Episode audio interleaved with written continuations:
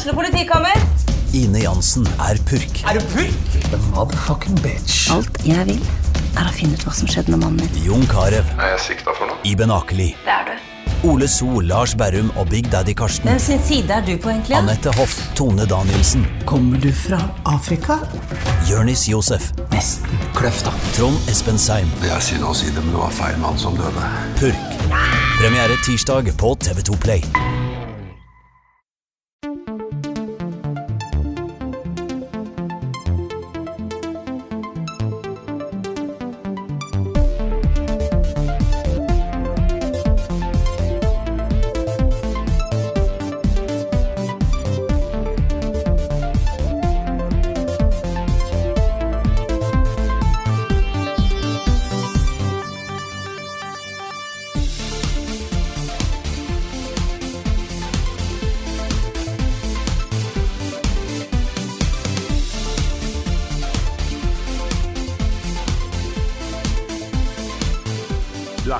Til å være sunn, Lars. Nå har jeg drivet og sett på at du har spist frokost og røkelaks med egg og greier.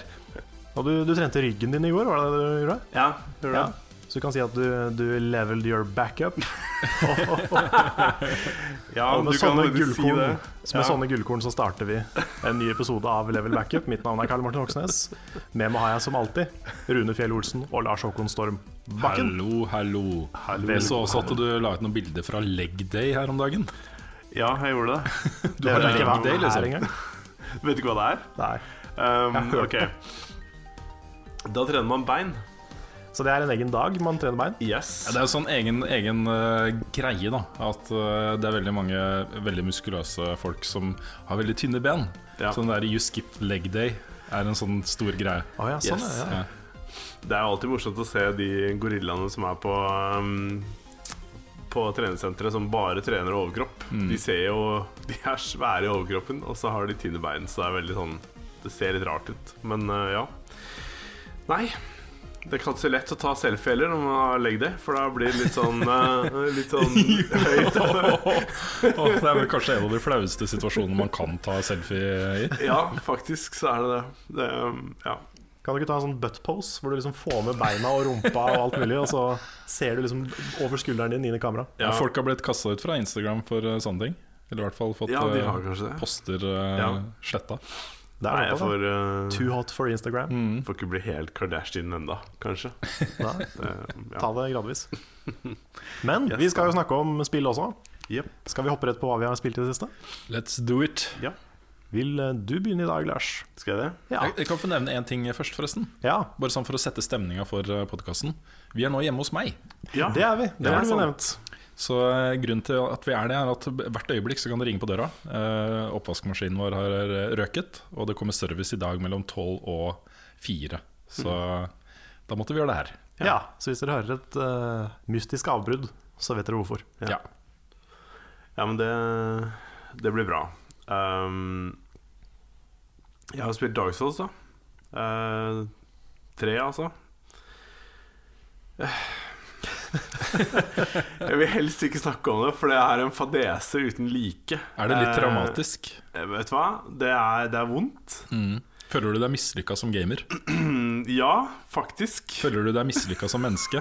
Nei, så ille er det ikke. Men altså, det er, det er så Fordi det ligner veldig på Bloodborne, og Bloodborne fikk jeg veldig inn i, um, i fingra og sjelen, på en måte, så den, den kunne jeg.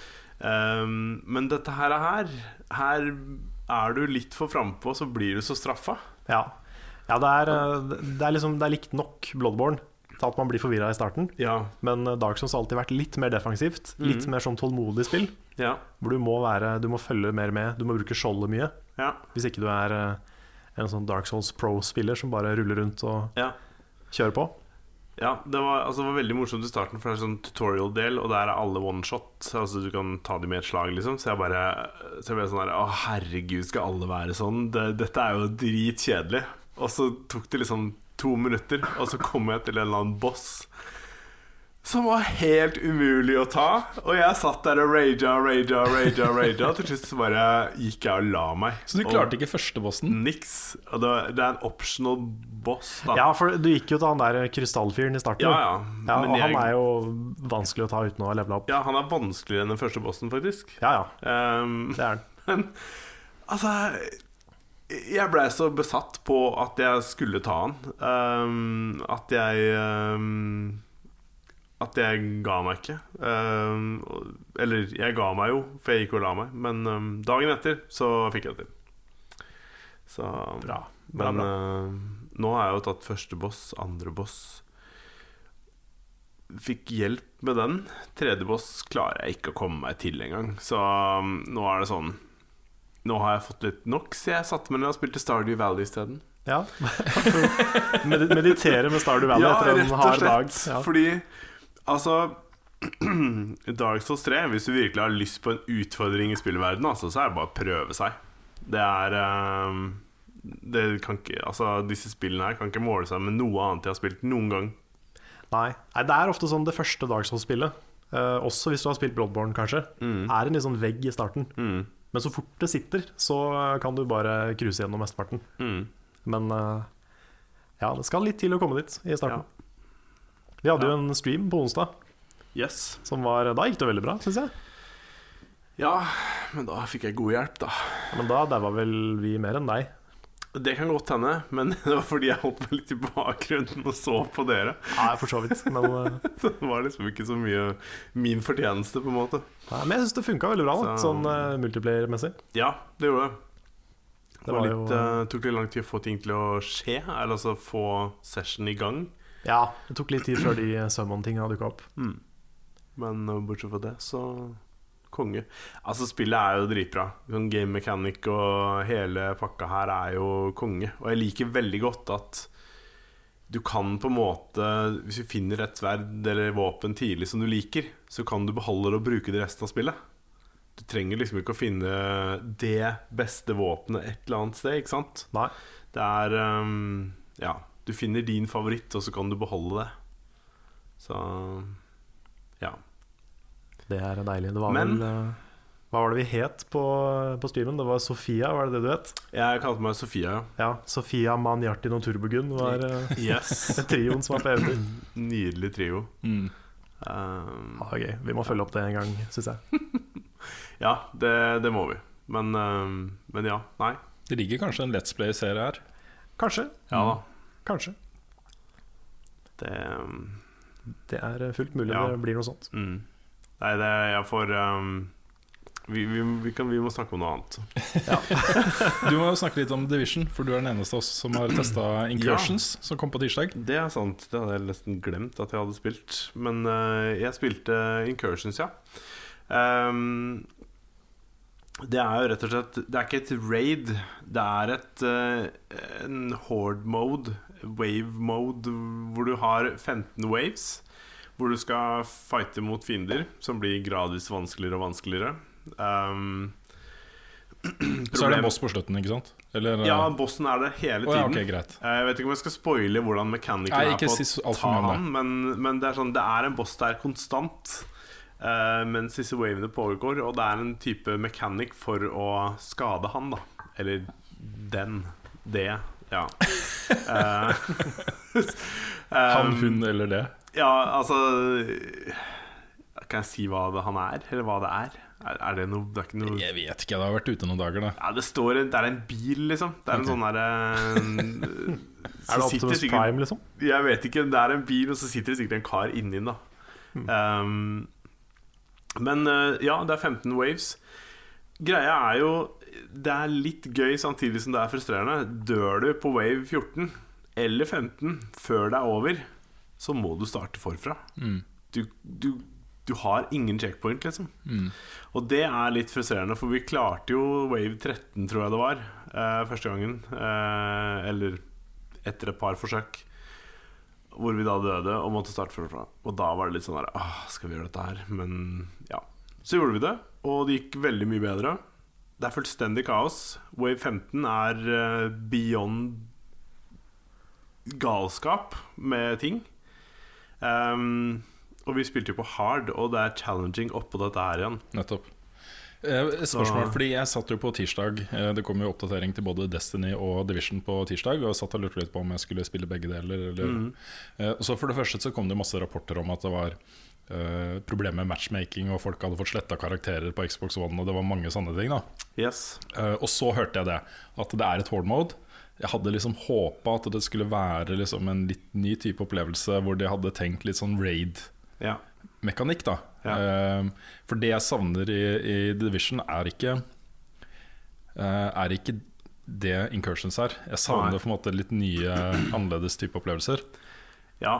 Men spørsmålet mitt er ehm, Jeg har litt lav DPS. Jeg har rundt sånn 60 000-70 000 på, eh, på våpnene. Mm.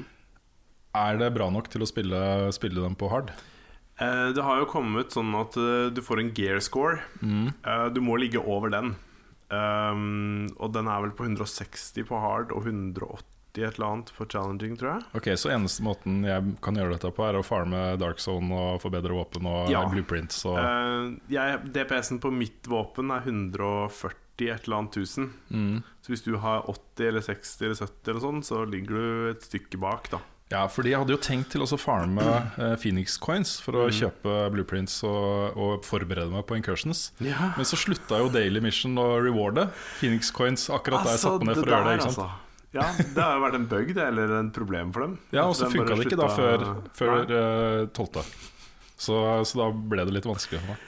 Ja, jeg vet. Det er flere som har slitt med det. Det irriterte meg også, for jeg fikk ikke flere Phoenix Coins selv heller. Men um, Nei, Division for meg nå har blitt et sånt spill som egentlig mer eller mindre utelukkende handler om å skaffe seg bedre gear. Um, det er en del, skjedd en del endringer i Dark Zones, Dark Zones som er veldig bra. Uh, og det er helt sikkert kjempekos å gå inn her med kompiser og bare ha det fett, liksom. Uh, men jeg, jeg syns det blir litt ensformig. Er, altså det Behovet mitt etter nytt gear er ikke så sterkt.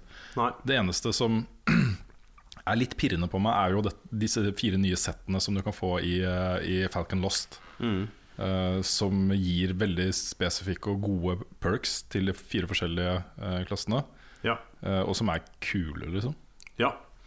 De er veldig kule. Og um, altså, vi gikk jo og prøvde litt grann, og fikk oppgradert litt stæsj før vi begynte Falcon Lost. Og så jeg havna vel på en gearscore på 180 eller noe sånt nå. Um, og når jeg gikk inn i Dark Zone og hele pakka der, så følte jeg meg mye mer powerful. Det, var, det er tydelig at de har gjort et eller annet, um, så du føler deg ikke så Alt du skyter på, er ikke bare en sponge, liksom. Eh, rett og slett. Og det er litt deilig. Ja. Så um, uh, Ja, de har tilført en rekke kule ting, men hvor lenge dette her holder på moroa, det veit jeg ikke helt hva jeg tror om. For det er ikke Jeg har lyst til å samle det nye settet, men hva når jeg har gjort det, da? Hva er det å gå etter da? Sånn er det jo litt i alle MMO-lignende spill, egentlig. Eh, når du har kommet til det punktet hvor du har fått det beste gearet og gjort uh, alle endgame activities. Eh, hva er det som skal holde deg i spillet? Hva er det som skal få deg til å fortsette å spille? Ja, Det Nå må det jo ikke- være en kul opplevelse. Ja, for Division har ikke nok pull, pull for meg. Nei, jeg er helt enig. Så, Det er mye som mangler der i um, Altså, det vil jo være nærliggende å sammenligne med Destiny. Ehm, det er ikke i nærheten av så spektakulært og flott. Og du føler ikke at du tar del i noe fantastisk. Mm. Kan jeg bare ta et lite sidespor? Er det lov å gjøre det? Selv om vi skal liksom gå litt gjennom ting vi har spilt? ja, det er lov. Det er lov. Fordi eh, en del eh, tilbakemeldinger jeg har fått da etter at jeg eh, ga Division også for så vidt en god anmeldelse. Jeg syns det er verdt pengene, og jeg syns du har mye kult før du eventuelt går lei. da Ja. eh, Nok kult til at det er lett å anbefale. Eh, men det har kommet en del tilbakemeldinger om at det er akkurat sånn Destiny er og, og sånne ting. uh, to ting som er litt viktig, det er at for det første så foretrekker jeg uh, science fiction-settinger mm. i den type spill, fordi det inviterer til mye mer variasjon.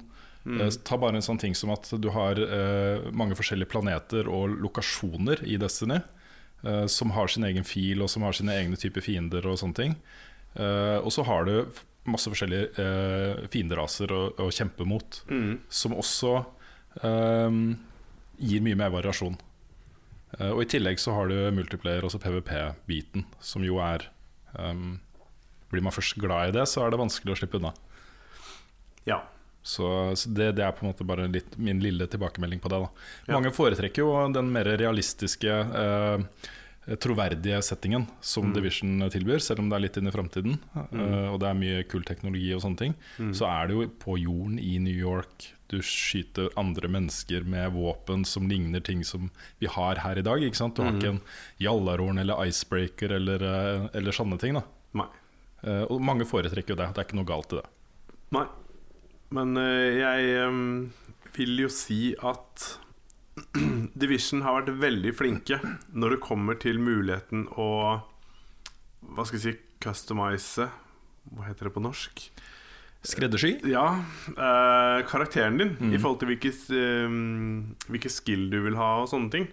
Eh, og der syns jeg de er mye flinkere enn det Destiny er til å gjøre karakteren din mer unik, og hvordan du liksom Om du har lyst til å være en mer tank eller en healer eller en DPS, da.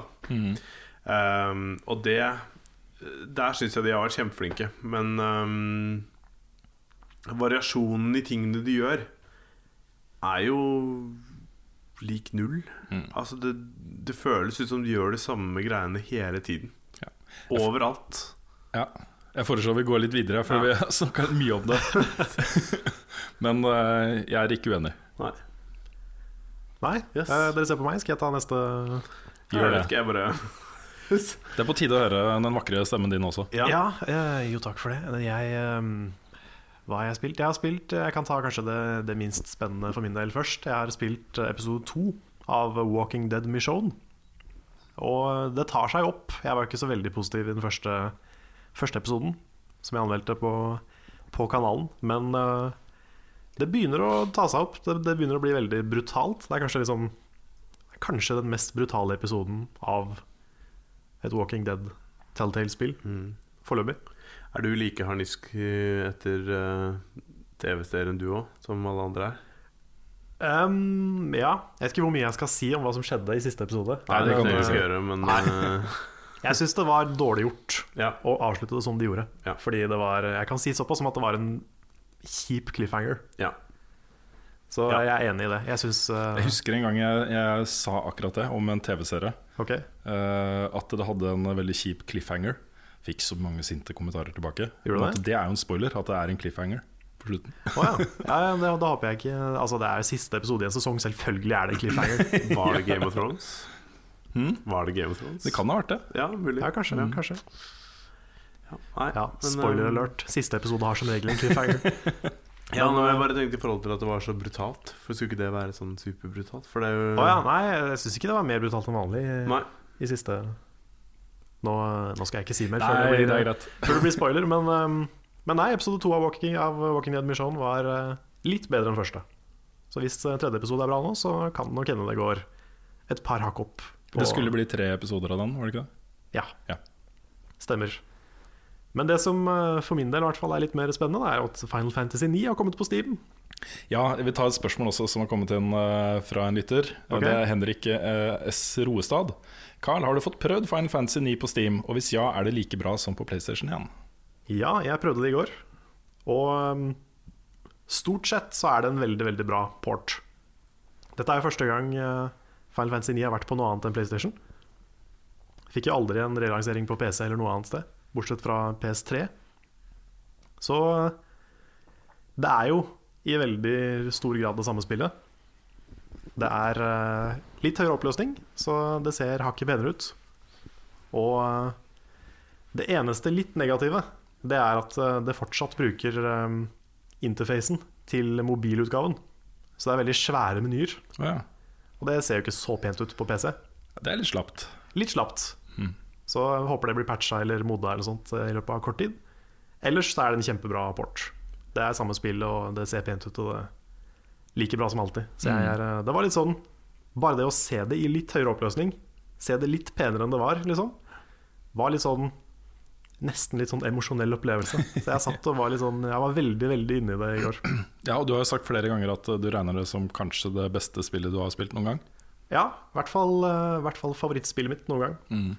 Så det er det mange grunner til. Men, eh, men ja, jeg er veldig, veldig veldig glad i det spillet. Mm. Så nå som det er på Steam, så kan jeg bare varmt anbefale å kjøpe det. Dette er jo Square Enix, er det, det er ikke noe sånn mikrotransaksjoner og Ingenting. Nei, okay, bra. Heldigvis. Der, du får jo faktisk eh, innebygde cheats. Ja, det så jeg, at det er noen eh, modifikasjoner på spillopplevelsen Ja. som du kan legge til. Og det er jo, altså jeg tror Det virker som Square Enix er veldig sånn De skammer seg over den gamle turn-based-stilen deres. Mm. De tror liksom ikke at moderne gamere har uh, tålmodighet og sånne ting. Jeg tror de tar feil, men, eh, men ja. De putter jo sånne ting inn i alle de nye Mm. utgivelsene sine. At du kan skippe kamper, og du kan eh, gå rett til level 99 og mye sånt. da Ja. Det virker som de oppfordrer folk til å ikke spille spilla. Det er en litt annen situasjon i Japan om dagen, fordi eh, der har veldig, veldig, veldig mange spillere blitt lei av den tradisjonelle måten å spille på, som er å sette seg ned foran en TV uh, med en konsoll og spille svære JRPG-spill. Uh, avanserte ting, da. Det er, blir mindre og mindre av det. Det er derfor også de japanske selskapene satser mindre og mindre på det. Og kanskje satser mer mot det europeiske og amerikanske markedet. Uh, men eh, jeg tror nok det ligger en slags sånn innebygd oppfatning hos en del eh, utviklere at eh, de, den gamle måten å lage ting på ikke er interessant for folk lenger, fordi det er ikke interessant for veldig mange i Japan. Det Det markedet har blitt mye mindre. Ja, det er et poeng det. Samtidig så kom jo Bravely Default, som er akkurat det samme som gamle Final Fantasy-spill, og gjorde det kjempebra. Så jeg vet ikke. Jeg føler de Jeg føler kanskje de gjør en tabbe altså, med å gå vekk fra det og tro at det ikke slår an lenger. Det er håndholdt eh, spill, da. Det Ja, er fortsatt det er veldig stort i Japan. Håndholdt og mobilspill og også eh, sånn gratisspill på PC og sånne ting er ganske stort eh, i Japan fortsatt. Er det ikke bare det de fokuserer på? Jo, det er jo stort sett det, men, eh, men det er unntak, selvfølgelig. Ja. ja.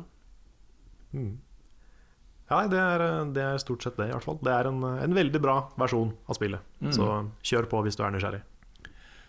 Ja. Kult. Hadde du flere ting? Eh, nei, det var egentlig stort sett det. Det har vært mye Dark Souls, selvfølgelig. Men Ja. eh, det er kanskje ikke så interessant å snakke om enda en gang. Kanskje ikke. Um, nei, jeg har jo spilt uh, I tillegg til det obvious, så har jeg spilt uh, uh, Dirt Rally. ja. Dirt Rally det så du heter, la ikke ut det? video av. Ja, nettopp. Jeg, jeg satt meg ned, jeg har spilt liksom to cuper, så jeg har ikke kommet så langt i det. Um, jeg, jeg, jeg har litt sansen for den måten å introdusere folk uh, til den type spill på. Hvor du bare settes ut i en situasjon, og det er nådeløst. Liksom, og det er ikke noe jåleri eller noe fiksfakseri eller noe sånn prøve å bygge opp noe hype på noe som helst måte. Du skal sette deg inn i bilen, og så skal du kjøre rally. Ordentlig rally som er punkt til punkt, og ikke uh, rallycross. Som er Men du kjørte ganske bra. Ja, det var, første, det var faktisk den, den første gangen Ja. uh, som jeg kjørte. Det var jeg, det? Ja, ja. Wow. Men jeg, krasj, jeg kjørte ut av veien mange ganger. Fem ganger. Ja, det så jeg, sånt. men allikevel så er det sånn Hvis jeg skulle gjort det, så hadde jeg Altså andre, slitt mye mer, da. ja, andre runden så, så kom jeg på andreplass på den etappen. Da, kjørte Ja. jeg ikke ut. Eh, Så det handla bare om å bli vant til Vant til det. Er lenge siden jeg har spilt et skikkelig hardcore eh, rallyspill. Ja, jeg synes det så veldig kult ut, for det var Jeg likte hvordan farten ble mm, fremstilt. For det er det jeg har så mye problemer med i sånne spill, at du Du føler ikke farta. Du kjører i 100-200 km i timen, og så føles det ikke ut som om du kjører så fort. Så du klarer ikke å begrense ting og tang. Men det føltes når jeg så på det, så føltes det veldig mye litt sånn, litt sånn tyngre. Det føltes som du på en måte hadde mye mer kontroll. Da. Så jeg vet ikke hvordan opplevdes det. Jo da, det er absolutt Ja. veldig sånn. Og, og det starter jo helt i starten, så får du opp masse options Mm. eh, med ting du kan skru av og på. Eh, og så eh, bremsehjelp og styrehjelp og det er, det er mange ting, da. Autogir eller manuelt og osv. Og, så videre, og for hver for hvert grep du gjør som nærmer deg simulasjon, så får du eh, høyere prosentandel med eh, greier når du vinner. Da. okay. Eh, så du ved å skru av de tingene så kommer du liksom raskere fram i spillet hvis du er god. Eh, men du kan også velge da å ha en del hjelp. Men det kommer aldri til å bli lett for noen. Uh, hvis man er liksom grønn i den type bilspill, så vil det være vanskelig. ja. Sånn er det bare. ja, men det er kult. Ja, og så er jeg uh, Det jeg liker med rally, er Altså I virkeligheten så foregår dette her på ofte veldig smale veier med hopp og eh, kjipe svinger, og eh, det er trangt, og det går dritfort, og det er skummelt da å kjøre. Eh, ofte når man skal lage et rallyspill, så gjør man veien litt bredere, og så gjør man det litt lettere å svinge, og så er det liksom Du får en del hjelp på veien. da Dette er hardcore og nådeløst, og det Ja. digger jeg. Jeg syns det er kjempekult. Ja. ja, det så veldig bra ut, altså. Ja, det kommer en anmeldelse på det, men jeg kommer nok til å trenge litt tid. Fordi jeg, jeg vil ikke liksom anmelde nå med en gang. Nei. Men det som er fint med bilspill, er at man ikke trenger å eh, spille gjennom alle cupene og absolutt hele greia liksom, for å mene noe om det. Fordi Nei. man eh, kommer ganske fort inn i eh, veifølelse, bilfølelse Ja. eh, og den type ting. Mm. Så jeg skal gjøre det så fort som mulig. Um, jeg har også fått med at multiplayer-delen her er kun rallycross foreløpig. Og det er, er litt skuffende. Det er vel kult å ha kjørt punkt i punkt uh, multiplayer også. Ja. Uh, jeg har fått et spørsmål her fra Ole Galåsen Møller. Eh, Rune, hvordan går det med anmeldelsen av bilspillene som kom ut omtrent samtidig? Eh, og Da sikter han til det jeg sa for en uke eller to siden, at det har også kommet eh, eh, Sebastian Løb Rally og eh, VRC5 e-sport edition, som bare kommer ut i de nordiske landene. Jeg er ikke helt sikker på om jeg kommer til å spille alle tre. Jeg, mulig at jeg tar en titt på de, men Dirt Rally er det mest interessante spillet av de tre. Så, så jeg begynner der, og så ser jeg hva jeg får til. Mm. Ellers så har jeg jo spilt til Destiny, selvfølgelig. Jeg bare, jeg, har kommet til et par spørsmål der, så jeg kan benytte anledningen til å uh, Til å ta det. Et fra Richard Berntsen. Uh, hvilke synspunkter har dere på oppdateringene i Destiny og The Division? Og Division har vi snakka om allerede. Eh, Destiny er, det er en ganske liten oppdatering. Det er ikke sånn Hvis du har gått drittlei av Destiny, så er ikke sannsynligvis dette her noe som vil få deg til å bli forelske deg i spill igjen. Nei, Det tror jeg ikke. Jeg hadde lyst til å spørre deg om det, Fordi jeg har ikke vært innom Destiny utenom den ene- gangen vi spilte, siden før jul, tror jeg. Er det verdt å hoppe inn igjen for dette her? Ja, Det spørs litt. Hvis man, hvis man er glad i Destiny og det gikk lei av litt mer sånn derre Ok, nå føler jeg meg ferdig med spillet. Så kanskje. Fordi eh, det er en del av de aktivitetene som blir morsomme igjen når man kommer tilbake.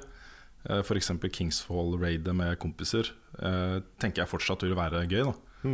Um, men det er, eh, det er ikke så mange nye story missions uh, her. Den største endringen og største nyheten er en ny versjon av Prison of Elders. Uh, egentlig to nye versjoner, én level 41 og én som er sånn challenge. Hvor du hver uke i 16 uker får en ny utfordring. Uh, du får et scorecard som du skal fylle ut. Og Den Ja, okay. ene er sånn high score på 30 000 eh, på én runde. Og så er det en kumulativt 90 000 poeng. Og det, Begge de to får du rewards for. Et, et, det er armor og weapon. Eh, men jeg vet ikke, jeg husker ikke hvem av de som gir hva. Jeg tror det er våpen på high score og armor på eh, kumulativ. Ja, ok Um, og den uh, Det tar ikke så lang tid. Det er, liksom, det er veldig greit å spille gjennom. Uh, den challenge-biten var kjempelett. Nå var det precision damage da, som var modifieren der. At det var small arms og uh, at du fikk ekstra bonuspoeng ved precision- kills. Mm. Det, det gikk veldig, veldig greit. Det tar ikke lang tid i det hele tatt. Uh, og så var det gøy. Jeg tror ikke det kommer til å være gøy i 16 uker. Nei. Nei, det er det. Nei, vi filma jo faktisk Snakka vi om det på en annen podkast? At vi spilte et uh, raid med 100 leveløp-lag. Ja, jeg, tror, jeg tror kanskje vi nevnte at vi skulle gjøre det, men uh, det er mulig at jeg husker feil. Ja, ok. Ja, nei, for vi, vi filma jo det. Vi Ja. kunne jo kanskje vurdere å legge ut det. Ja, det kan jo vært uh, kult. Så har vi planer om å spille de to neste raidsa også. Ja. Så kan hende det kommer litt, eh, litt fra det på kanalen. Mm. Det var i hvert fall veldig gøy. Det var jo Svensens og, og Bjørns første gang. Ja, Så det var, uh, var moro. kult. Den siste tingen jeg har lyst til å si om uh, Destiny nå, uh, er at uh, level, uh, altså light level-progresjonen har blitt gjort utrolig mye lettere. Uh, nå er det sånn at um, det er veldig mange forskjellige aktiviteter som gir deg uh, utstyr og våpen med høyere light level enn det du har. Uh, og Der er det lagt inn sånn at uh, du får som regel av ting som ligger maks fem light levels fra det du er. Så si du er level 320, så vil du kunne risikere å da få et våpen i 325 når du ranker factions, f.eks. Eller når du En artifact fra Court of Oryx, våpen og armor i raidet, armbandene Trials of Osiris. Det er masse ting. da Det å ranke Gunsmith eksempel kan gi deg våpen i uh, høy light. Dere som ikke har spilt Destiny, skjønte sannsynligvis 0 av. Nei, men det er, det er, veldig mange ting som gir deg uh, utstyr og uh, våpen med høyere light level enn det du har. Ja. Så det er ganske kos. Det å liksom føle den progresjonen at det hele tiden du blir bedre, liksom. Du kan ikke risikere å sitte i timevis uten å få noe som får deg opp i light. Nei, men Det er jo veldig bra. Ja. Det, er jo, det var jo problemet i starten. Veldig At uh, progresjonen var veldig tilfeldig. Ja, også på The Taken King også, hvor uh, jeg ble vel 3.20 ja, tre uker siden eller noe sånt. Fire uker siden. Det kom jo i, Når var det det kom? September? Ja, noe sånt. så, så, der var det jo bare helt meningsløst sakte, ikke sant. Mm. Så jeg tror nok de nå har bare sluppet seg litt fri. Det kommer til å ta lang tid før det kommer noe uh, av substans i Destiny uh, framover. Uh, det kommer til å være sånne ting som sånne som jeg liker. Uh, nye armbander og Sparrow Racing og Trials og sånne ting. men ikke noe stort nytt før til høsten. Så nå skal de liksom la folk få kose seg litt til de blir lei. Og de, jeg tror de går ut ifra at folk kommer til å gå lei av dette her også. Mm. Så House of Wolves versjon 2 er her. ja, ikke sant. Mm. Uh, Martin Rønning spør om jeg er 3.35 ennå. Det er jeg ikke. Jeg er 3.29 på det høyeste. Ja, ok det er for dårlig. Ja, noen ble jo 3.35 etter et kvarter. Å ja, ja. For de hadde Wow. spart på Exotic Engrams, og det Ah, ja. decrypter nå i høyere light enn det du har. Ah. Opp til 3.35. Så hvis du liksom gjør det, equipper, infuser, bla, bla, bla, bare decode, decode, decode, så blir det 3.35. Ja, ok. Så det er sånn uh, Gått et kvarter, nå er jeg lei igjen. Ja, det, ja, jeg skulle si at det må være ufattelig kjedelig. Det er sånn Kjempekult å kunne åpne de tingene, og så er det sånn Yes, jeg fikk akkurat det og det og det og det. Og det Og så er det sånn Og nå er jeg ferdig. Hva skal jeg gjøre nå, da? Og nå er det samme spillet. ja. Ja. Oh. En annen ting jeg har spilt litt uh, i det siste, er faktisk Manhunt. Som kom ah, ja. på PlayStation 4 uh, nå. Uh, det er jo et PS2, gammelt PS2-spill. Uh, det er jo en av de mest kontroversielle anmeldelsene jeg har lagd, tror jeg. Jeg ga det terningkast to da det kom ut. Um, mange som misforsto, som trodde at jeg gjorde det fordi jeg ikke tålte volden i spillet. Um, det var ikke riktig da, det er ikke riktig nå. Jeg syns uh, jeg, jeg syns det først og fremst er et teknisk ganske svakt spill. Eh, det er jo et eh, stealth-basert spill med veldig dårlige stealth-mekanikker. Mm. Uh, og i tillegg så føltes uh, den der greia om at du skulle altså Du holder inn en uh, execution-knapp når du har sneket opp på noen. Og lenger inn du holder det, så er det tre levels på den uh, likvideringa du kan gjøre. Da. Fra liksom bare å drepe personen, til å drepe han litt mer grusomt, til å liksom Ja. ja. Og du ser ikke dette direkte. Det er liksom filma med et slags overvåkingskamera, og det bl- blurra litt og det spraker Ja. litt, og sånne ting men det, du får ganske godt inntrykk av hva som skjer. Ja. Så jeg syns det var litt spekulativt. Jeg har ikke noe imot vold i spill i det hele tatt, sånn utgangspunktet. Nei. Men når det blir spekulativt, så syns jeg det blir litt platt. Og så litt uh... Ja, Når du får litt den derre 'this is adult'. Ja, ikke sant? ja. Så tanken min var å enten gjøre liksom, Prøve å gjøre meg opp en ny oppfatning av spillet. Kanskje jeg tenker annerledes om det i dag enn jeg gjorde da jeg anmeldte det. Eh, Eller eventuelt hvis, det var like, eh, hvis jeg likte det like dårlig da som jeg gjorde eh, da det kom. Kanskje noe til drittspillspalten. Ja, jeg skulle til å si det, at liksom, du har potensial til både en klassiker og et drittspill. Ikke sant? Mm. Så, men jeg vet ikke. Det var så knotete å spille det, og det er så F.eks. en sånn ting som at ikke du kan gjøre noe med uh, hvilken vei karakteren din uh, ser, du, altså til høyre og venstre, når du tar i spaken. Um, for den er jo motsatt av det jeg er vant til å gjøre, ikke sant? uh, så ja. Jeg prøvde Ja. å stille på det, men det skjedde ingenting. Så den er, den er feil. Og da, hver gang jeg skal liksom snu meg til høyre, så snur jeg meg til venstre. Og så må jeg tenke det, det var jo andre veien, altså, det hadde jeg krepert av. Mm. Og så dårlig kamera, ikke sant. Eh, Når du prøver å snike det opp på noen, og du har liksom gått i skjul i en skygge, og så skal du ut av den skyggen, og så spinner kameraet rundt, og så vet du ikke helt hvilken vei du ser, og hvilken vei du går, og, og sånne ting. Yes. Så eh, med mye mye kulere stealth og bedre stealth-mekanikker eh, i dette spillet, så kunne det blitt bedre. Ja. Men det jeg fortsatt liker med spillet Det her blir langt, men det jeg fortsatt liker med spillet, er jo eh, altså Du spiller jo en dødsdømt fange som eh, liksom skal bli eh, tatt livet av, da. Eh, få straffen sin. Eh, men så viser det seg at du har liksom blitt eh, lurt unna eh, og deltar i et slags reality-konsept. hvor du har da en director som forteller deg hele tiden egger deg ånden, liksom. Som får deg til å liksom Ja, kom igjen, da. bare ta den litt mer brutalt. Og du får til dette her. Og han er litt, skikk utrolig creepy person. Den biten elska jeg. Ja. Jeg husker Da det kom, så kom det også et, det første headsetet til PlayStation 2 fra Logitech. eh, som var Det var bare én eh, sånn øreklokke på den, og så mikrofon. Mm. um, Og da var det lagt opp sånn i spilldesignet at stemmen hans kom kun på den uh, øreklokketingen. Og det, ja? Ja, og så kom lyder fra spillen på TV-en. ikke sant? Det. Det var kjempekult. Ja. Det var sånn der utrolig kul mekanikk. Eh, Sokom brukte også den samme Ja. litt seinere. Eh, kjempetøft. Så det var noen elementer der som jeg fortsatt syns er dritstilige. da. Ja. Ja, for det her ble kritisert for å være så uprovosert, var det ikke det? Eller ble det ikke det? Ja, altså, motivasjonen til å lage et sånn type spill, hvor kommer det fra egentlig? Er det Ja. for å liksom «Hæ, Se så kule vi er, og vi skal, nå skal vi sjokkere alle? Ja. Eller er det for å si noe interessant om eh, voldskulturen i samfunnet? Og Det brukte jeg mye tid på i anmeldelsen også. Fordi Ja. det går an å se det som det, som en kommentar på at folk liksom går etter det som er mest mulig sadistisk, og, og tenner på det. da Ja. Eh, så Man kan se det som det, men jeg tror ikke på det. Hvis de prøver å påstå det, så tror jeg ikke på dem. Nei. Eh, Så det blir litt opp til hver enkelt. da Det høres ut som et eh, interessant innslag, hvis du ender opp å lage noe på det. Ja, men Hvis jeg klarer å spille det, Ja, rett og slett. For det er, det er så knotete. ja. Så ja, Det kommer et eh, Wii-spill, faktisk. Manhunt 2 kommer jo til Wii. Er det ikke noe som heter Mad World også, som er litt i samme gate? Jo, litt i samme gata, men det er litt mer sånn arcaders, hvor du skal bare fly rundt og drepe ting, liksom. Det er ikke så seigt, det er mye kjappere. Okay. Uh, men uh, Manhunt 2 kommer til Wii. Og det likte jeg mye bedre. Altså det, var, det fløt bedre, det var bedre spilldesign på det, rett og slett. ja. Eh, jeg tror kanskje jeg endte om på å gi det en firer. Jeg husker ikke helt.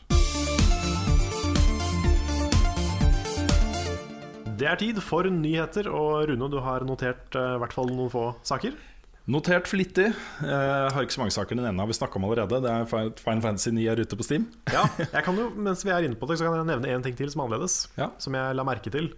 Og det er fordi jeg er tidenes Final Fantasy 9-nerd og merker små ting. Men eh, en av de første eh, liksom figurene, sånn eh, NPC-ene du møter i spillet, er en liten jente som gir deg en billett. Og eh, i originalen så sier hun 'you dropped your tickets', altså litt sånn eh, talefeil. Men det har de fiksa på i det nye, så nå sier du med R. Ok, Oi. Så det var litt sånn, Jeg håper ikke det blir en trend, fordi de fjerner liksom litt av personligheten i, Ja, de gjør det, da. i språket. Da.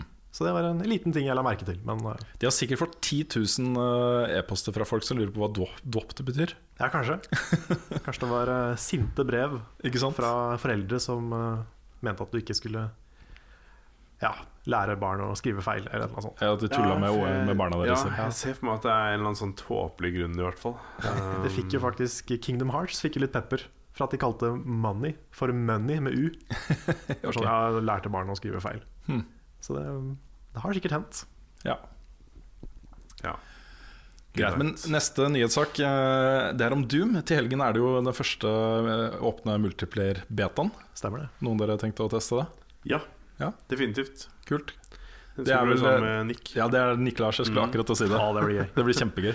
så vi må prøve det. Ja. Um, de slapp jo noen detaljer om hvordan uh, multiplay fungerer i Doom eh, her om dagen. Og jeg fikk litt sånn Hvis jeg hadde kunne få det, så hadde jeg fått litt bakoversveis. Fordi Doom har jo alltid handla om Det er et Bakoversveis. Det tok litt tid før jeg catcha hva du snakket om. her, Men jeg var sånn Ja, hva, Ja. hva mener du? Ja, For, for Ja. Doom, liksom, det jeg har gleda meg til, da, det er den å komme inn i en arenashooter hvor du får liksom et våpen, øh, og så har alle stille på en måte ganske likt. da Det er ferdighetene med våpenet ditt som avgjør om du vinner eller ikke. Men sånn er det ikke i det hele tatt. Sånn er det virkelig, virkelig ikke i det hele tatt. Nei. Eh, For det første da så har de starta et rankingsystem uh, som de kaller eh, Echelon. Echelon, Echelon, et eller annet.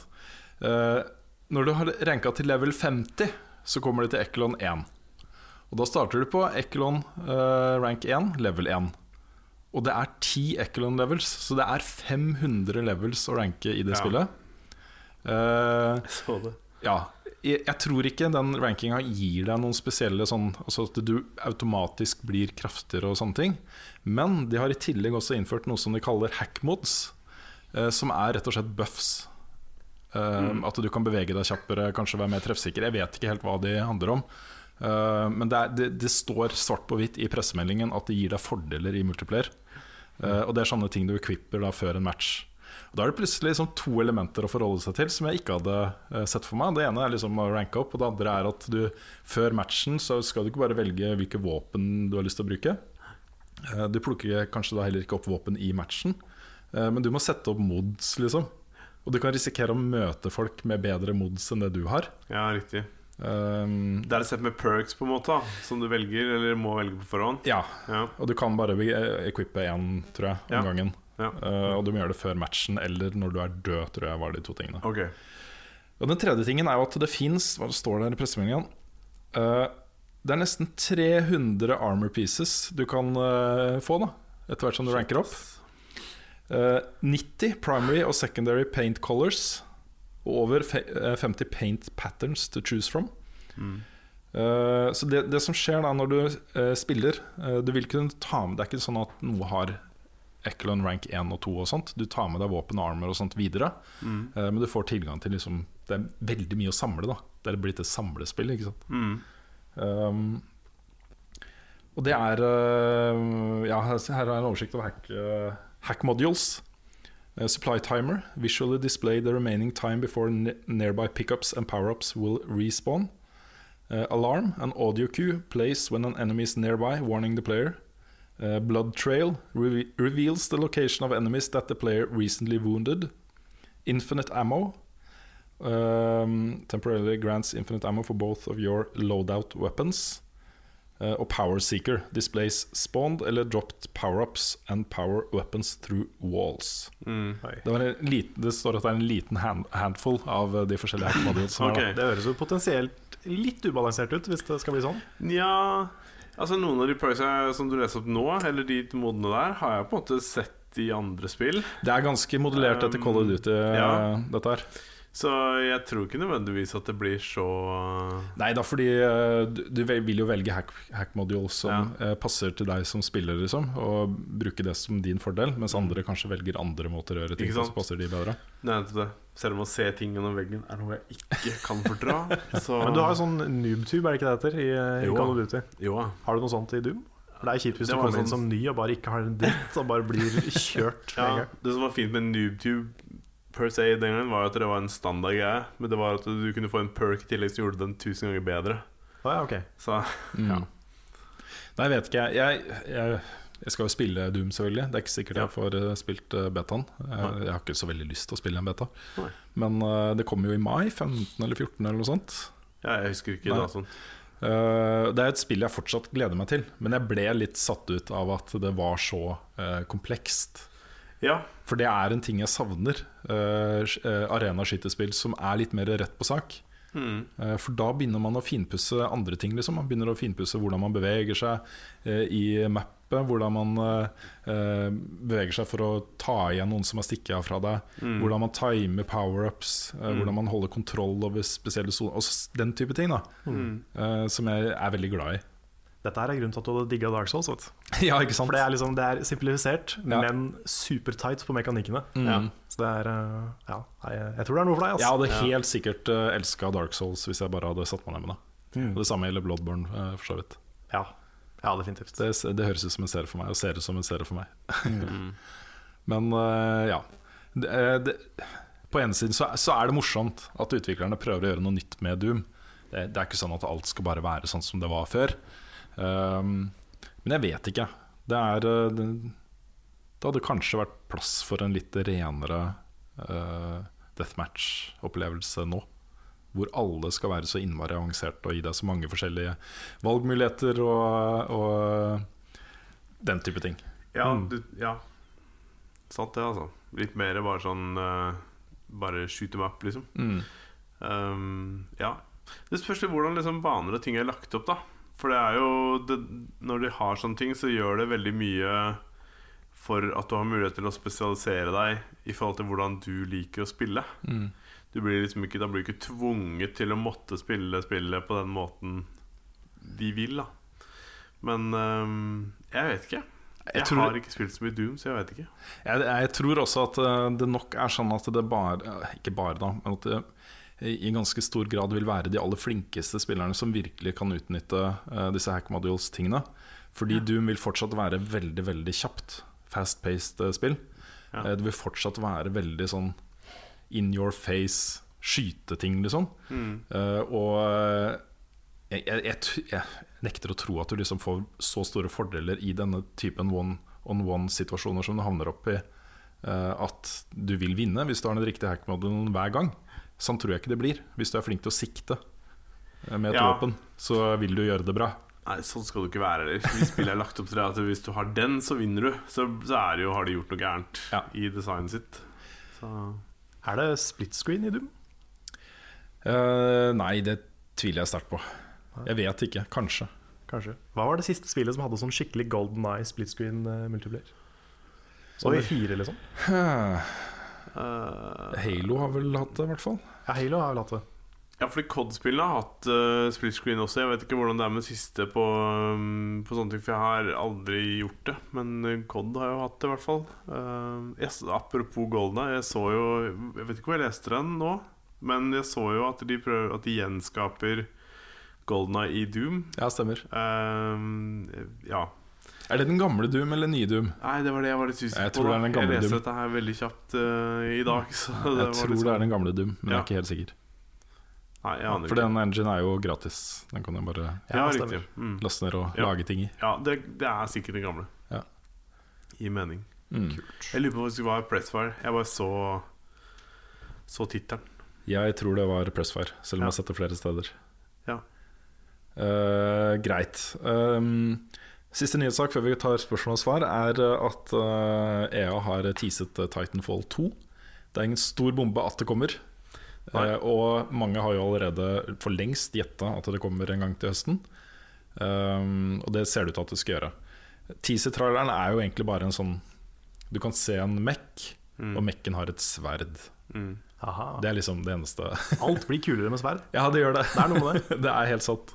Også, jeg, hørte, jeg mente jeg hørte at det skulle være en, eh, en faktisk singleplayer-campaign, eller i hvert fall en campaign den gangen her. Det de har hintet om tidligere, er jo nettopp det. At de skal legge mer arbeid i det. Eh, og i tillegg så tror jeg at de selv har sett på Titanfall 2 som liksom the shit. Fordi eh, eh, det er annonsa nå til PC, PS4 og Xbox One. Dette var et eksklusivt Xbox One-spill. Og allerede da de annonsa at det var eksklusivt på Xbox One, så sa de at eh, nyere spill i denne serien, kommende spill i denne serien, vil komme ut på alle plattformer. Ok Så, eh, så jeg vet ikke helt. Jeg syns Titanfall var kjempegøy en stund før jeg gikk lei, men eh, Ja. så det har potensial. Jeg syns spillet også er dritbra. Det er bare liksom Ja, så må Det er for lite variasjon Mm. som gjør at det blir spennende. Men ehm, disse folka som har laget eh, Jeg håper de lager en bra singleplayer, Altså, for de har lagd noe av det beste singleplayer-campaignen jeg har funnet i noe skytespill noen gang. Så altså, Altså, de- er jo- dette er jo- 4 og ME2, Ja, Dette er jo tidligere Infinity Ward-folk Mm. som har gått ut for å lage et eget eh, selskap. Det var jo masse Mm. snadder for oss som liker nyheter og skittentøyvask i offentligheten og sånt. Ja. eh, Den greia uh, Men de, har jo, de er jo mestere på å lage sånne Michael Bay-actionøyeblikk i skytespill. Sånne eh, filmatiske sekvenser hvor du er, tar en del ting som er utrolig spektakulære. da Eh, Ja. Og også litt den derre sånn som eh, snipeoppdraget i, i Modern Warfare. Åh, Du klarer ikke å gjenskape noe. Det er ingen spill som har klart å gjenskape det. Altså. Det var bra, det. Ja, det var kjempebra, Åh, ikke sant? Jesus Christ. Så, men de er gode på sånne eh, Ja. moments Ja. i skytespill. Ja. Som ikke nødvendigvis er hvor du er veldig interaktivt delaktig, liksom, men hvor du føler at du er med på noe ganske kult. Mm. Ja, gud bedre. Ja, jeg, jeg er spent. Jeg ser veldig fram til å prøve det. Jeg har ikke noe håp eller tro om at det blir en vedvarende ting å spille, men eh, jeg tror likevel det kan bli kult. Ja, det kommer til å bli avduka jeg tror det var 12. juni på en sånn pre-etere-event som EA har eh, Ja. i år. For de er jo ikke på selve messa Nei, de skal jo ha sin egen greie. De skal ha sin egen greie. Mm. Jeg begynner å glede meg til etere. Wow. Ja, det blir er liksom ikke så lenge til. Nei, det er ikke det. Så gleder jeg meg til å gjøre noe litt annet ut av det Ja. enn vi har gjort før. Mm. Uh, så, så det eneste vi vet nå, er at det kommer. Uh, vi vet ikke om det blir i år, uh, men det blir, det blir i år, også mot jul, eller rett over nyttår. Eh, fordi Samtidig så har også en leketøysprodusent sagt at de skal pr- eh, lansere eh, Titanfall eh, leketøy, da, sånne Ja, Mex, eh, rundt samme tid, da, vinteren, til vinteren. Er det Mattel? Jeg husker ikke hva det het. Jeg kjenner jeg har veldig lyst til å like Titanfall. For det er, mm. jeg merker at det er litt nærmere mitt interesseområde enn sånne veldig realistiske shooters. Mm. Så ja, jeg håper at det blir bra. Jeg føler eneren døde så fort, sånn multiplayer-messig. Ja. Det gjorde det. Men, men det var liksom vanskelig å knytte seg til spillet på en god måte. Jeg vet ikke om Jeg føler ikke at singleplay-campaignen hadde så mye med det å gjøre heller. Eh, al- altså at det ikke var noen singleplayer. Men eh, jeg veit ikke. Det var veldig Det var jo egentlig sykt bra. Ja, det var jo egentlig det. Ja, og så var det liksom Jeg, jeg veit ikke hva det var. Det er, jeg klarer ikke å forklare det. Det er eh, Men det skjedde jo bare- med Volv også. Ja. Det er kanskje bare vanskelig å bryte ut på eh, multiplayer eh, hardcore-markedet. Jeg vet ikke. Ja, altså Det skal jo litt til da å se liksom de som er veldig veldig godt etablerte. Mm. Da var jo Evolve et uh, mikrotransaksjonshelvete, da, men uh, Ja. likevel. Det er tid for spørsmål og svar, og som vanlig så har folk levert både på Patreon og Facebook og rundt omkring. Så det er, det er vi kjempeglade for. Mye bra spørsmål. Ja, det kommer veldig mye bra spørsmål. Det gjør det. Mm. Hvor skal vi begynne? Um, ja, hvor som helst. Hvor som helst. Gjort litt forarbeid i dag, da. Det er litt vanskelig å bare bla eh, på de to forskjellige stedene. Sånn, så jeg har gjort et lite utvalg. Vi kommer ikke til å rekke å svare på alle disse spørsmålene heller. Nei. Men uh, vi kan ta noen av dem. Et litt sånn generelt spørsmål som, uh, som jeg tar med fordi vi får det ganske ofte, eh, og fordi det er et tema som mange som er interessert, også lidenskapelig opptatt av spill, eh, særlig når de blir litt eldre, eh, er opptatt av. Det er fra Daniel Kvien. Det er langt, er- jeg tenkte jeg skal lese hele, for den setter opp, setter opp tingene på en bra måte. Ok. Eh, Jeg lurer på hva slags tanker dere har om følgende. Hva skal til for at spill som medium skal bli tatt mer seriøst? I min familie har jeg mange film- og eh, musikkelskere. Når det gjelder min lidenskap for spill, står jeg ganske så alene. Fortsatt en dag i dag, der spill har blitt mer og mer allemannseie, møter jeg relativt sterke fordommer.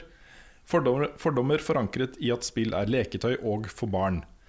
Eh, Selv om spillindustrien rent økonomisk er mer verdt enn film og musikk, skulle det tilsi at tolerans, tol toleransen for spill er høyere enn noen gang.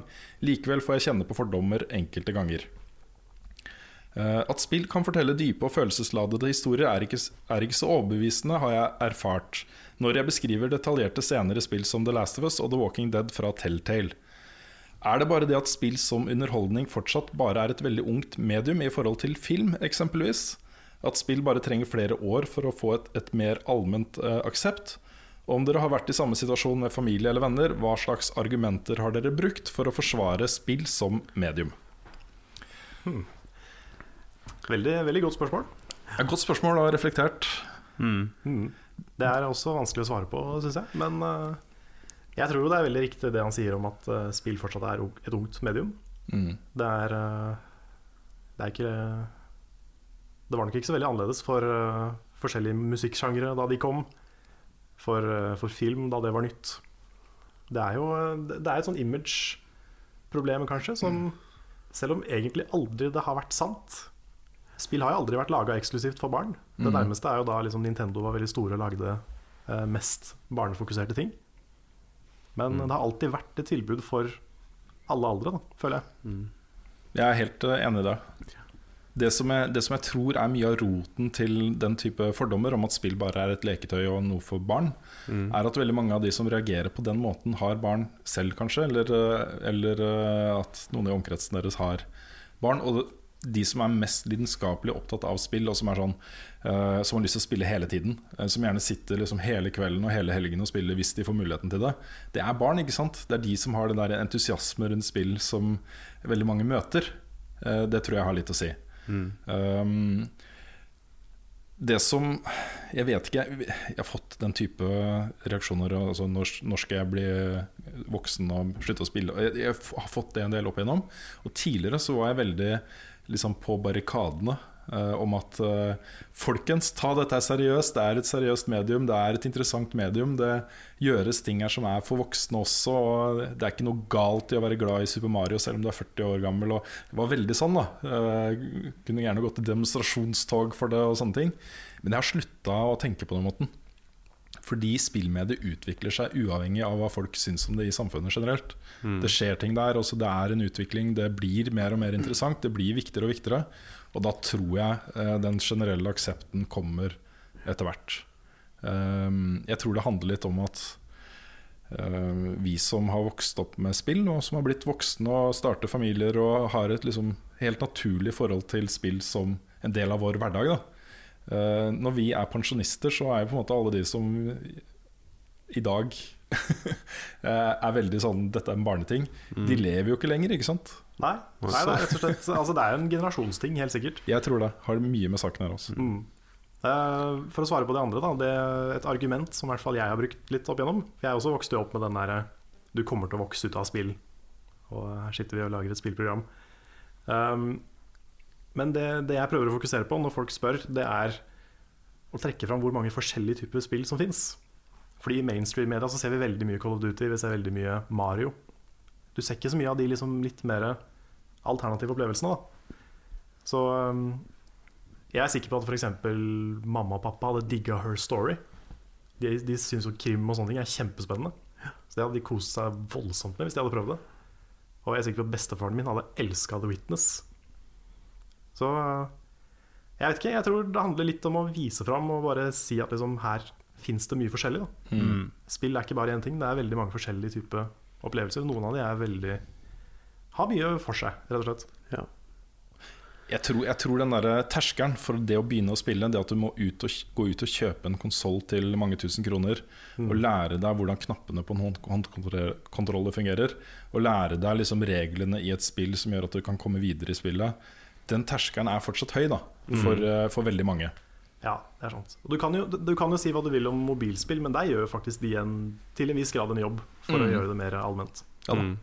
ja, når du ser et sånt, sånt program som uh, House of Cards, hvor uh, Underwood sitter og spiller uh, uh, mobilspill Monument Valley, var det det? Monument Valley, ja. Ja, stemmer.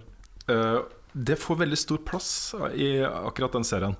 Fordi uh, han ender opp med å hyre en som han har lest en anmeldelse av det spillet av, ikke sant? Uh, til å jobbe for seg. Uh, og det blir lest opp noen quotes fra anmeldelsen som er veldig sånn Ok, de beste anmeldelsene av spill i dag er på det nivået, ikke sant? Hvor du uh, snakker om spill på en måte som gjør at du At aksepten for det og, og betydningen av det vokser. Ja, Det er faktisk veldig kult akkurat i den serien. Der har de jo flere liksom, hentydninger til liksom, snakker om PS Vita og PlayStation spesielt. Og så var det vel Agario som var veldig fokusert på i det siste I det siste se sesongen. Der eh, hvor du skal liksom sånne rundinger, og så skal du spise andre brikker og vokse deg større og større. Og liksom, ja, sånne ting. Um, det jeg skulle si, for han spurte jo det med liksom om vi har vært i samme situasjon med familie og venner. Uh, og jeg har Jeg har hatt mange venner som har vært litt sånn Helt blank til spill. Hvor jeg har introdusert dem til flere spill. Det var Senest nylig introduserte jeg en for, for Firewatch. Spilte det sammen med han, og han ble jo liksom helt satt ut av hele, hele greia. Og, fikk jo, og ble jo mer engasjert i det enn eh, enn jeg hadde trodd. Altså liksom Posta ting både her og der og snakket om det, og det var ikke måte på, liksom. Så det er det har, for, for min del så har det vært det å bare vise folk, det å bruke tid til å vise Til å spille spillet sammen med folk. Um, Og hvis de har hatt problemer med kontrollen, så har eventuelt jeg brukt den, da, og så har de sett det som om vi har gjort en ting sammen og sett det som en film. på en måte Og da har de fått opplevelser som har vært, uh, vært unike, og ser at spillet ikke bare handler om å skyte andre, eh, på en måte.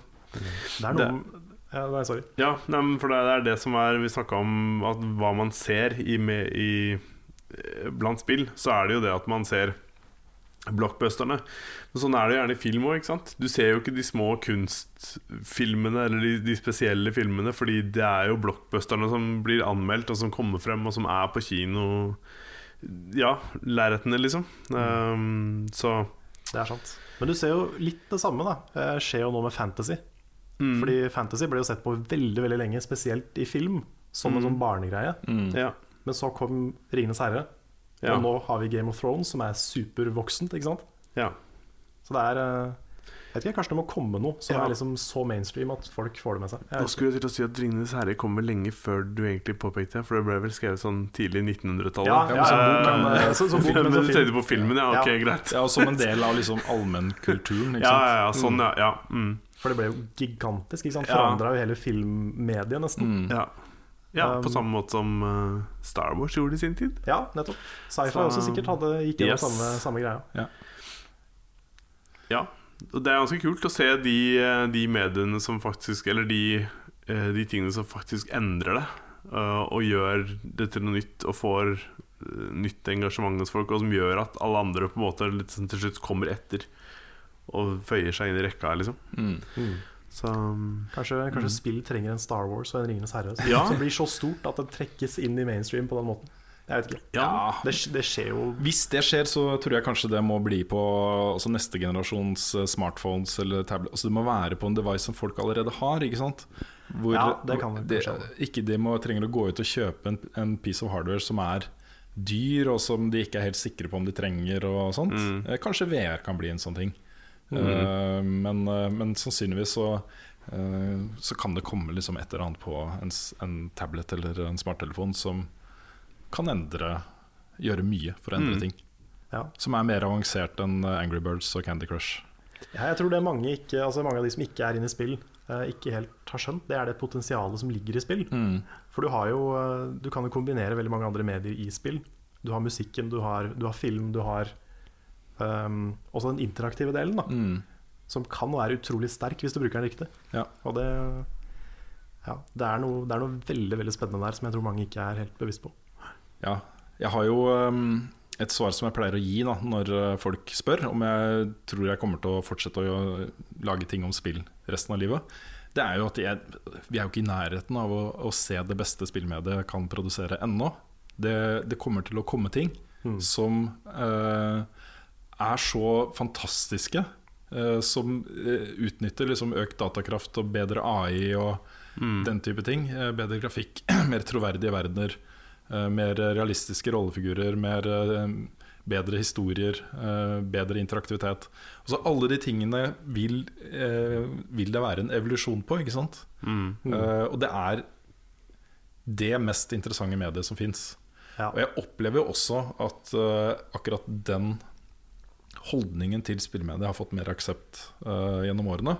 Fordi det er noe helt annet nå enn det var for 20 år siden, da jeg begynte å skrive om eh, spill. Uh, 19 år. Um, da var det veldig sånn Da følte jeg meg litt rar når jeg gikk på jobb, liksom. Og eh, skulle la jobben min være å skrive anmeldelser av spill. Det, det opplevdes som noe litt sånn fremmed da, i VG-miljøet, liksom. Men uh, det har endra seg veldig eh, de, de siste Ja, årene. ja, men det, der føler jeg faktisk at det du gjorde i VG, har hatt mye å si for at det har endra seg. Fordi spillsiden i VG er det veldig mange som har Eller som hadde et forhold til da det, da det gikk. Ja, Kanskje det har i hvert fall vært, eh, det hvert fall vært viktig for meg å, å eh, snakke om spill på en voksen måte uh, i VG. Men eh, jeg tror nok den utviklingen hadde skjedd uansett. Um, det, er, det, det handler jo mye om at mediet i seg selv modnes.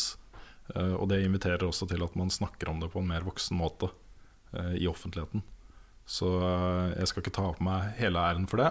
Nei, altså kanskje ikke på verdensbasis, det var ikke det, ikke det jeg mente. Men sånn, jeg vet ikke, sånn i Norge, i hvert fall de folk, voksne folk jeg har prata med, har liksom De har fått øynene litt opp etter å ha sett det i VG og i Dagbladet og sånne ting. Mm, ja. Det har gjerne vært etter anmeldelser som da jeg anmeldte Journey f.eks. Så var det veldig mange ikke-gamere som eh, tok kontakt og sa de hadde blitt nysgjerrig på spill etter å ha lest den type anmeldelse og sånt. Så det jeg i hvert fall kan si er at jeg har jo vært bevisst på den, uh, den uh, rekkevidden som synspunktene mine har hatt da, uh, i, et, i en arena som VG. Det har vært, eh, jeg har følt det som en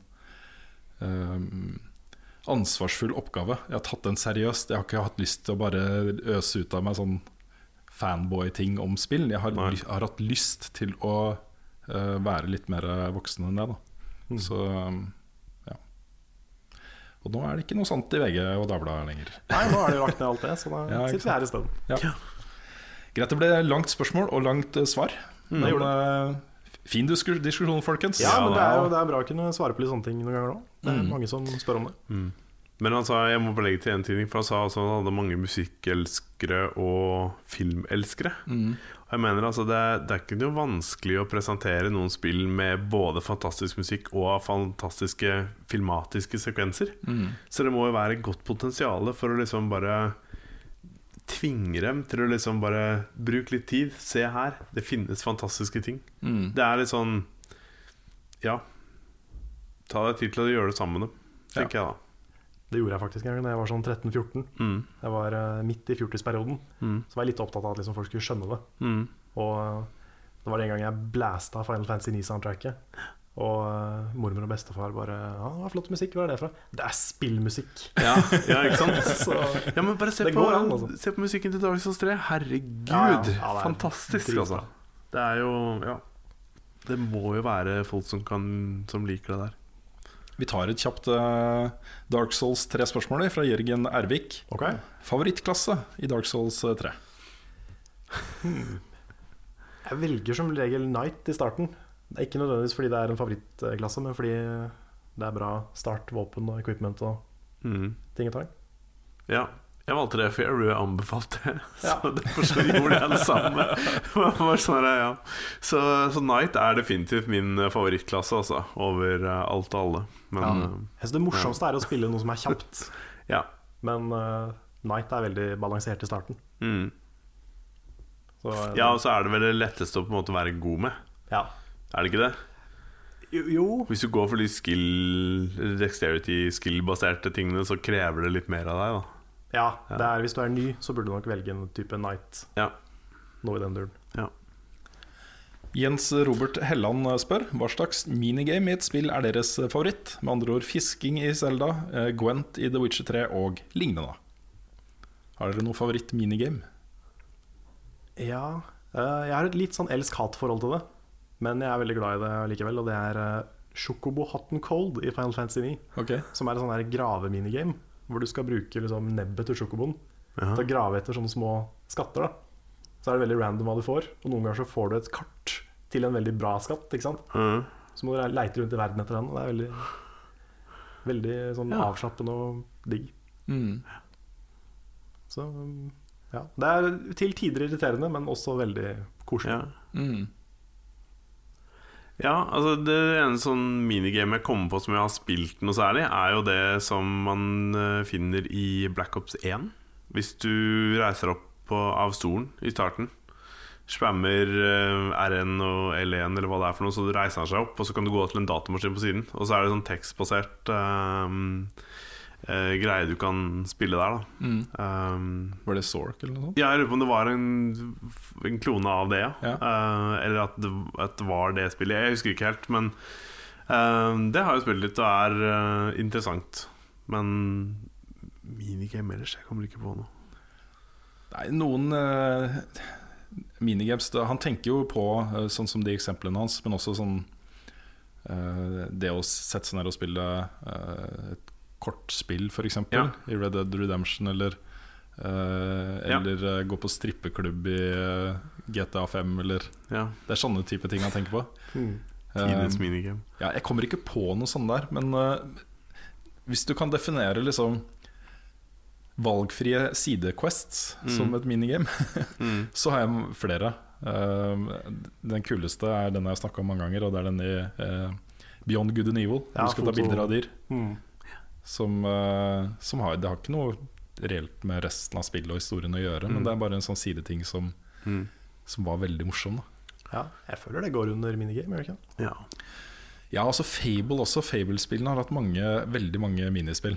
Hvor du eh, kan liksom farme ting da ved å gjøre disse minispillene. Jeg husker på Fable 3 så ga de til og med ut minispill i forkant. Hvor du kunne da gå inn med din, eh, din konto på en måte i spillet og eh, spille disse minispillene og bygge opp penger som du kunne bruke når spillet kom. ja. Det var litt kult. Nice. Hmm. Jeg spilte faktisk et minispill nylig i Stardew Valley. Hvis du går på Arkadegreiene der inne på baren, Ja, stemmer så det. kan du sånn, Det var ganske enkelt. Det er sånn der, du bare flytter på karakteren, og så skyter du med piltastene. Ja, Skal du litt sånn skyte- survival Ja. asteroid-type ting. Survival, du skal bare skyte det som kommer mot deg. Liksom. Og det var enkelt, simpelt. Ble gradvis bare vanskeligere og vanskeligere. Og vanskeligere Og det er jo Det blir fort addiktiv, da. Når, det er, eh, når det er så lett å lære seg hva prinsippet er, og så er det bare om å komme lengst, liksom. Så Det var, jo et, det var et minigame også i eh, Catherine, som egentlig bare var en mindre versjon av spillet. ja. For det er jo sånn du skal klatre opp et sånn blokktårn og skyve blokker ut for å komme deg. Det høres veldig kjedelig ut, men det er ganske gøy. Ja, det var ganske gøy. Um, det også er litt kult. Det var, det var en sånn miniatyrversjon av hovedspillet i et minispill. Det er kult. okay, Det var, nice. Og det var gøy. Ja. Litt eh, mindre, mer puzzle-baserte ja. oppgaver. da Skal vi se. Uh, dere må gjerne supplere med spørsmål her også, men jeg kjører bare videre til dere gjør det. Ja, jeg skal ta fram uh. lista her. Ja. altså. Sigurd Borge Christoffersen spør Har dere noen tanker om Playdeads, Playdeads nye spill Inside. Altså fra de som lagde Limbo. Det ser utrolig fett ut. Ser ut som det kun kommer på Xbox eh, først. Det er Vi har vi snakket- har eh, sett om. Ja da, vi har snakka mye om det. De viste det fram på E3 ikke i fjor, men eh, to år siden. Var det ikke det første gang? Eller Ja, var det for det var ikke noe i fjor. Var det det? Jeg tror det var to år siden. Ja, det stemmer. For det var, jeg husker jeg tenkte på at ikke det var noe i fjor. Ja. Eh, og Ja, det, så ut som å være liksom litt i samme spil, eh, stil. De hadde utvida fargekartet bitte litt. Det Mm. var litt rødt og, og sånt, men ellers veldig sånn eh, monochrome eh, stil på det. Og eh, sånn bortsett fra at jeg ikke har sett så mye av det, så har jeg bare ekstremt høye forventninger. Ja. Rett og slett fordi Limbo var så fantastisk. Ja, det er akkurat det. Det Det ligger noe der, rett og slett. Men um, jeg har ikke hørt eller sett noe mer til det siden jeg så det den gangen. Så ja. Når det kommer, så regner jeg med at det blir fantastisk. Eller jeg Ja. håper det. Ja, det er et uh, utrolig lovende spill, altså. Mm. Yes. Jeg har et uh, spørsmål fra Øyvind Noste. Han sier at øh, hei, de som lager spill, bruker jo kreativiteten sin mye. Men hva med spilleren? Sånn som, sånn som dere ser det, i hvilken grad bruker man kreativiteten sin når man spiller? Og krever noen sjanger mer kreativitet av spilleren enn andre? Ja, det Ja, mest det opplagte det er jo sånn type Minecraft og Mm. eh, Lead Big Planet og Ja. uh, Mario Maker. Ja, det er jo noen spill hvor kreativitet er gameplay. Ikke sant? Ja, Så, jeg men- tenker også på sånne Faktisk gå helt tilbake til Monkey Island. Mm. Hvor du eh, må være kreativ i den måten at du må sette sammen ting som ikke er logisk å sette sammen for å få ting til å funke. Da må du jo være relativt kreativ og bare tenke utafor boksen på hva som kan være mulig å få til. Ja. Så det finnes jo spill som har sånne type puzzles som, som utfordrer kreativiteten din. Men det eh, det legendariske badeandpuzzlet i uh, The Longest Journey, ja. eller lengste reisen. Ja, Det er så bra, for du skal, du skal få tak i en nøkkel som ligger under noen sånne trikkeskinner. ja, Og det du må gjøre, prøv å huske det, det er Du må stjele en sånn der eh, Hva heter det, sånn pipe sånn Pip, Pipenøkkel, holdt jeg på å si. Ja, men hva heter, hva heter det? Sånn der som du, du Skiftenøkkel. trøkker en pipe med. Um, Eller ikke en pipe med et rør. Sånn rør... eh, Ja, vannpumpetang. Ja, Skiftenøkkel. Vannpumpetang, sikkert. Vannpumpetang, ja, du, du, du må stjele en sånn. Ja, ok. Og så må du løsrive en badeand. Ja, Eh, og så må så må du stjele et plaster. ja. Og et eller annet Og så må du blåse opp den badeanda. Mm. Koble den til knipetanga. Og så ta av plasteret, sånn at den sakte går tom for luft. Sånn at den, den knipegreia går igjen på nøkkelen, og så kan du heise den opp. ja. Og det er, det er sikkert mer komplisert enn det, men det var utrolig sånn troll. Monkey Island har jo Ja. masse av den type ting. Ja, fordi jeg skulle til å si Jeg vet ikke om jeg har nevnt det tidligere, men du har jo det her med Monkey Wrench. For det er jo, det- ja, for det er jo det, det at liksom, du finner jo ikke noe Monkey Wrench. Det du må gjøre, er jo å ta en apekatt og så forme halen hans som en wrench, så det blir Monkey Wrench. Bare det at du kan ta den apekatten og så stikke den inn i jakka di og så ha den med deg hele spillet, er jo kjempemorsomt. Ja, herregud. Det er et par altså. i Monkey Island 2, det ene hvor eh, hvor du prøver noe å bruke en ting på noe annet, liksom. Ja, ja. Som er bare fullstendig ulogisk. Ja, Og så sier liksom uh, Threepwood sier da That's so crazy, it just might work. yes, yes. Det er så utrolig beskrivende for, Ja. Uh, for gameplay der. Ja, Så mye bra humor i de spillene. Altså. Ja. Men også sånne spill som uh, Ja, ta et spill som uh, F.eks. Destiny. Ja. Også når du spiller et nytt raid for første gang. Liksom, du er seks stykker inn der, du aner ingenting om mekanikkene. Du må finne ut av de, og så må du planlegge og snakke med hverandre, kommunisere, og så gjør du det, og så gjør du det, og så gjør vi det sann, og så Ja. gjør det sann. Så det er en sånn veldig eh, litt mer abstrakt problemløsning, da, men eh, som er Det er med på å trene opp hjernen din til å tenke kreativt på problemer. Ja. Jeg tenkte på det samme nå, bare um, uh, Dishonored. Altså finne kreative løsninger på hvordan du skal Hvordan du skal komme deg forbi vakter, eller komme deg forbi folk, liksom. Mm. Det er jo en slags kreativ tenkning, det òg, er det ikke det? Du Jo må jo lete etter løsninger, Mm. og du må bruke hodet ditt for å komme dit, liksom. Fotballspill Så- også, liksom. Eller Bygge opp lag eh, som passer til Ja. motstanderen din, og taktikker og formasjoner. Og, altså, hjernen er jo en muskel som Mm. kan trenes opp. Ikke bare med sånn der, eh, doktor et eller annet eh, brain training. Var det Kawashima? Nei, doktor Er det ikke Kawashima nå? ja, Jeg husker det var noe sånt. Og det som var på Nintendo. Ja, på DS. Som Ja, ble jo lagd da, for å trene hjernen til eh, spesielt eldre, kanskje. Som eh, trengte litt hjernetrim. Mm. Um, men hjernen er en muskel. Du kan trene den Ja. opp. Hvis du eh, bruker den til å løse problemer av en eller annen sort, så blir den flinkere til å løse problemer. Mm. Ja. Og være kreativ. Jeg har hørt at den beste måten å holde hjernen sin frisk og rask på når du blir eldre, er å lære seg en nytt språk. Å ja. ja, ikke så dumt. Det er visstnok noe av det som uh, får hjernen din til å liksom Vet ikke, fungere bra, da. Mm. Så ja. Ja, for da må du aktivt velge Jo eldre du blir, jo mer må du jobbe for å lære deg et nytt språk. Mm. Er, det er noe, et eller annet med hjernen Det er veldig interessant. Det. Fram til jeg tror det er ca. tolvårsalderen, Ja. så er barnehjernen en sånn svamp for nye språk. Den trenger ikke å aktivt jobbe for å lære nye språk. Den bare Nei. suger til seg. Liksom. Du kan sitte i et Ja. rom da, med noen som snakker et annet språk. Hvis du gjør det lenge nok, så lærer du deg språket. Mm. Bare helt automatisk. Må du gå og legge på penger? Eller flytte bilen? Mm. Ja, da tar vi en liten vignett her. En kjapp pause. Ja, Vi er plutselig tilbake, men eh, i virkeligheten så tar det litt lengre tid, da. Det har kommet et spørsmål fra Sondre Kjøntveit, som, eh, som jeg faktisk får ganske ofte fortsatt. Eh, Det er om Metal Gear Solid 5. Eh, Selv om det da kom ut i september i fjor, så er det et tema som opptar ganske mange fortsatt. Mm. Og det er dette temaet. Spørsmålet hans er eh, hvordan ble historien i Metal Gear Solid 5? Var den bra, eller ble du ekstremt skuffet? Um, og det som er tinget med det spillet der, og det sa jeg også ganske tydelig fra i anmeldelsen, det er at uh, historien har mye mindre um, med, altså det, det er mye mindre fokus på det i spillet, rett og slett. Etter en utrolig sånn Metal Gear-start, som er bare lange cutscenes og masse kul musikk og kule plottpoenger og sånt, så går fokuset over til å være et open world sandbox uh, actionspill. Uh, Stealth-basert, da, helst, hvis du har lyst til å spille på riktig måte. Eh, Så jeg brukte ganske lang tid på å døyve den skuffelsen av at ikke det var liksom lange, seige introduksjoner av nye bosser og rollefigurer og masse komplekse dialoger og, og sånne ting. Jeg var skuffa. Eh, Men det ga seg fordi uh, gameplay er så bra.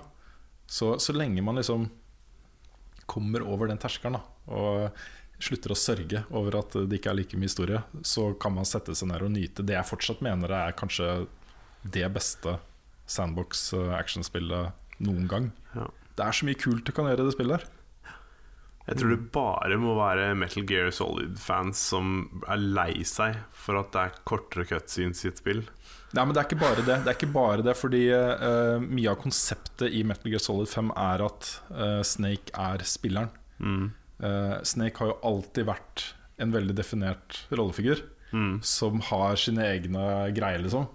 Um, og hele historien er jo bygd rundt det. da Hvem er Snake? Eh, hva er hans motivasjoner? Den type ting. Her ble han stilt i bakgrunn. Bl.a. Blant annet eksemplifisert med at du kunne velge å gå inn som helt andre personer i missions. Ikke sant? Um, så det var et eh, designgrep som jeg tror kanskje var litt revet fram av at eh, Kojima følte nok han hadde fortalt historien med Metal Gear Solid 4.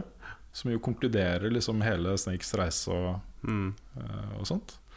Um, Ja, for jeg har hørt at uh, det har skjedd mye rart med historien i det spillet her. De tar, jo- det tar jo noen vendinger etter hvert som jeg har fått med at mange ikke er så fan av. Og så var det vel en stor del av slutten som bare ble kutta bort, var det ikke det? Jo da, eh, det, det virker, virker litt som om det, han bare gjorde seg ferdig med spillet. Ja. På en måte. Det er kanskje, har kanskje litt med konflikten med Konami å gjøre. Sannsynligvis. Um, men det er ok. Jeg hadde forventa meg mye mer historie. Det var ikke det jeg fikk, og jeg var skuffa. Uh, men uh, ja. Jeg mener jo også at alle Metal Gear Solid-spillene er dritbra, men at Metal Gear Solid 5 er det minst dritbra av, av uh, Metal Gear Solid 5. Minst dritbra av de spillene. Så jeg nevnte jo det for noen uker siden også, at jeg ville ikke gitt det ti av ti. Jeg ville gitt det ni av ti hvis vi hadde vært på tierskalaen i VG. Ja. Det er, det er et veldig bra spill, men kanskje ikke det beste Metal Gear-spillet. Nei. Ikke sant? Det er riktig. Yes. Yes, yes. Um, jeg kan ta et spørsmål her fra Skal vi se Frank Erik Lund på Patreon Han spør om vi har noen anbefalinger på spill han kan spille sammen med guttungen på fem år. Gjerne split screen, PS4 eller Xbox One. Og så sier han takk for en uh, bra podkast YouTube-kanal. Det er koselig. Hyggelig. Ja, Ja, det, det er jo et vanskelig Jeg syns det er et vanskelig spørsmål å svare på. Jeg. ja fem år, jeg vet ikke. Altså Nack. Nack. Å, det suger. Det er veldig lett da, å spille, så det er jo for så Men, vidt ja, et men, poeng. det, ja, men jeg tenker for Hvis jeg får en femåring Ja, ja altså, altså, tror, du, tror du han liksom vil liksom bare Å, dette spillet er dritt? Ja, så kan jeg, han synes han ikke liker det, men ja, Nack er for så vidt vanskelig i tillegg. Det er liksom bare surt og kjipt. Men Ja. uh, Jeg tror jeg heller ville gått på liksom Skylanders, eh, Disney Infinity, eh, Ja. Lego-spillene, den type ting. det er sant. Er Ratchet Clank, er det noe, eller blir det for Ja, komplisert? det, er, det er nok altså, Det er mye skyting og, og Er det ikke det i Skylanders òg, da? Ja, kanskje. Men Skylanders er veldig sånn lett å spille, har jeg skjønt. Ja. Det er jo laga altså, De som er mest hardcore eh, inni den type spill, er jo fem, seks, sjuåringer. Ja, men altså jeg har sittet med nevøen min på fire og spilt uh, Lego Jurassic World, er det det det heter? Mm.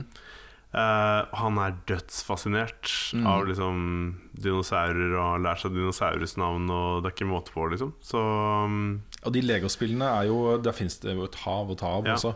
Masse, masse bra. ja.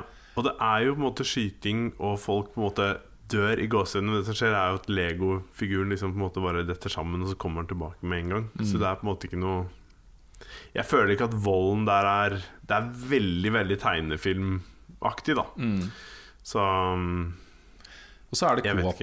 Alle Lego-spillene har eh, co-op. Du kan sitte med hver din kontroller og styre hver din eh, figur. Og så kan dere bygge ting sammen av virtuell Lego. yes. Så er det jo uh, alltids Minecraft, da. Mm. Det er jo spillet som alle, alle barn blir dritgode i. Ja. Og det er også- lett å spille sammen Mm. Ja. i det hele tatt. Ja, jeg tenker, jeg tenker at aldersgrensa der er i hvert fall mye lavere hvis du spiller liksom aleine i din egen verden og ikke spiller multiplayer. Mm. Går du i multiplayer, så møter du jo fort liksom andre folk, og Ja, det, både PVP-messig og hva du får av informasjon i chatter osv. Men ja, det er jeg litt, tenker at litt mindre ålreit. Men ja. jeg tenker på, er det split screen i konsoll Minecraft? Tror det er det. I konsollen, ja. Ja. Ja, det er det.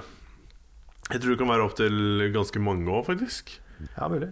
Uh, ja. Jeg tror ikke det er flere enn fire.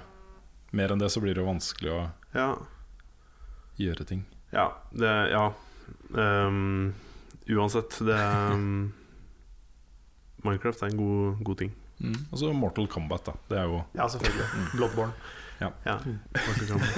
Det var en spøk. Ja, det var ikke. Men litt sånn relatert da, fra Birk Paulsen, også et spørsmål fra Patreon Uh, tror dere det nye Ratchet Clank-spillet kan starte en bølge av oppfølgere til gamle PlayStation-plattformerspill? F.eks. et nytt Sly Cooper, et nytt Crash Bandicoot eller lignende. Nå kom det jo et nytt uh, Sly-spill for uh, noen år siden. Um, men jeg håper jo det. Eh, det er jo Ja, helt avhengig av at uh, dette Ratchet Clank-spillet selger uh, godt.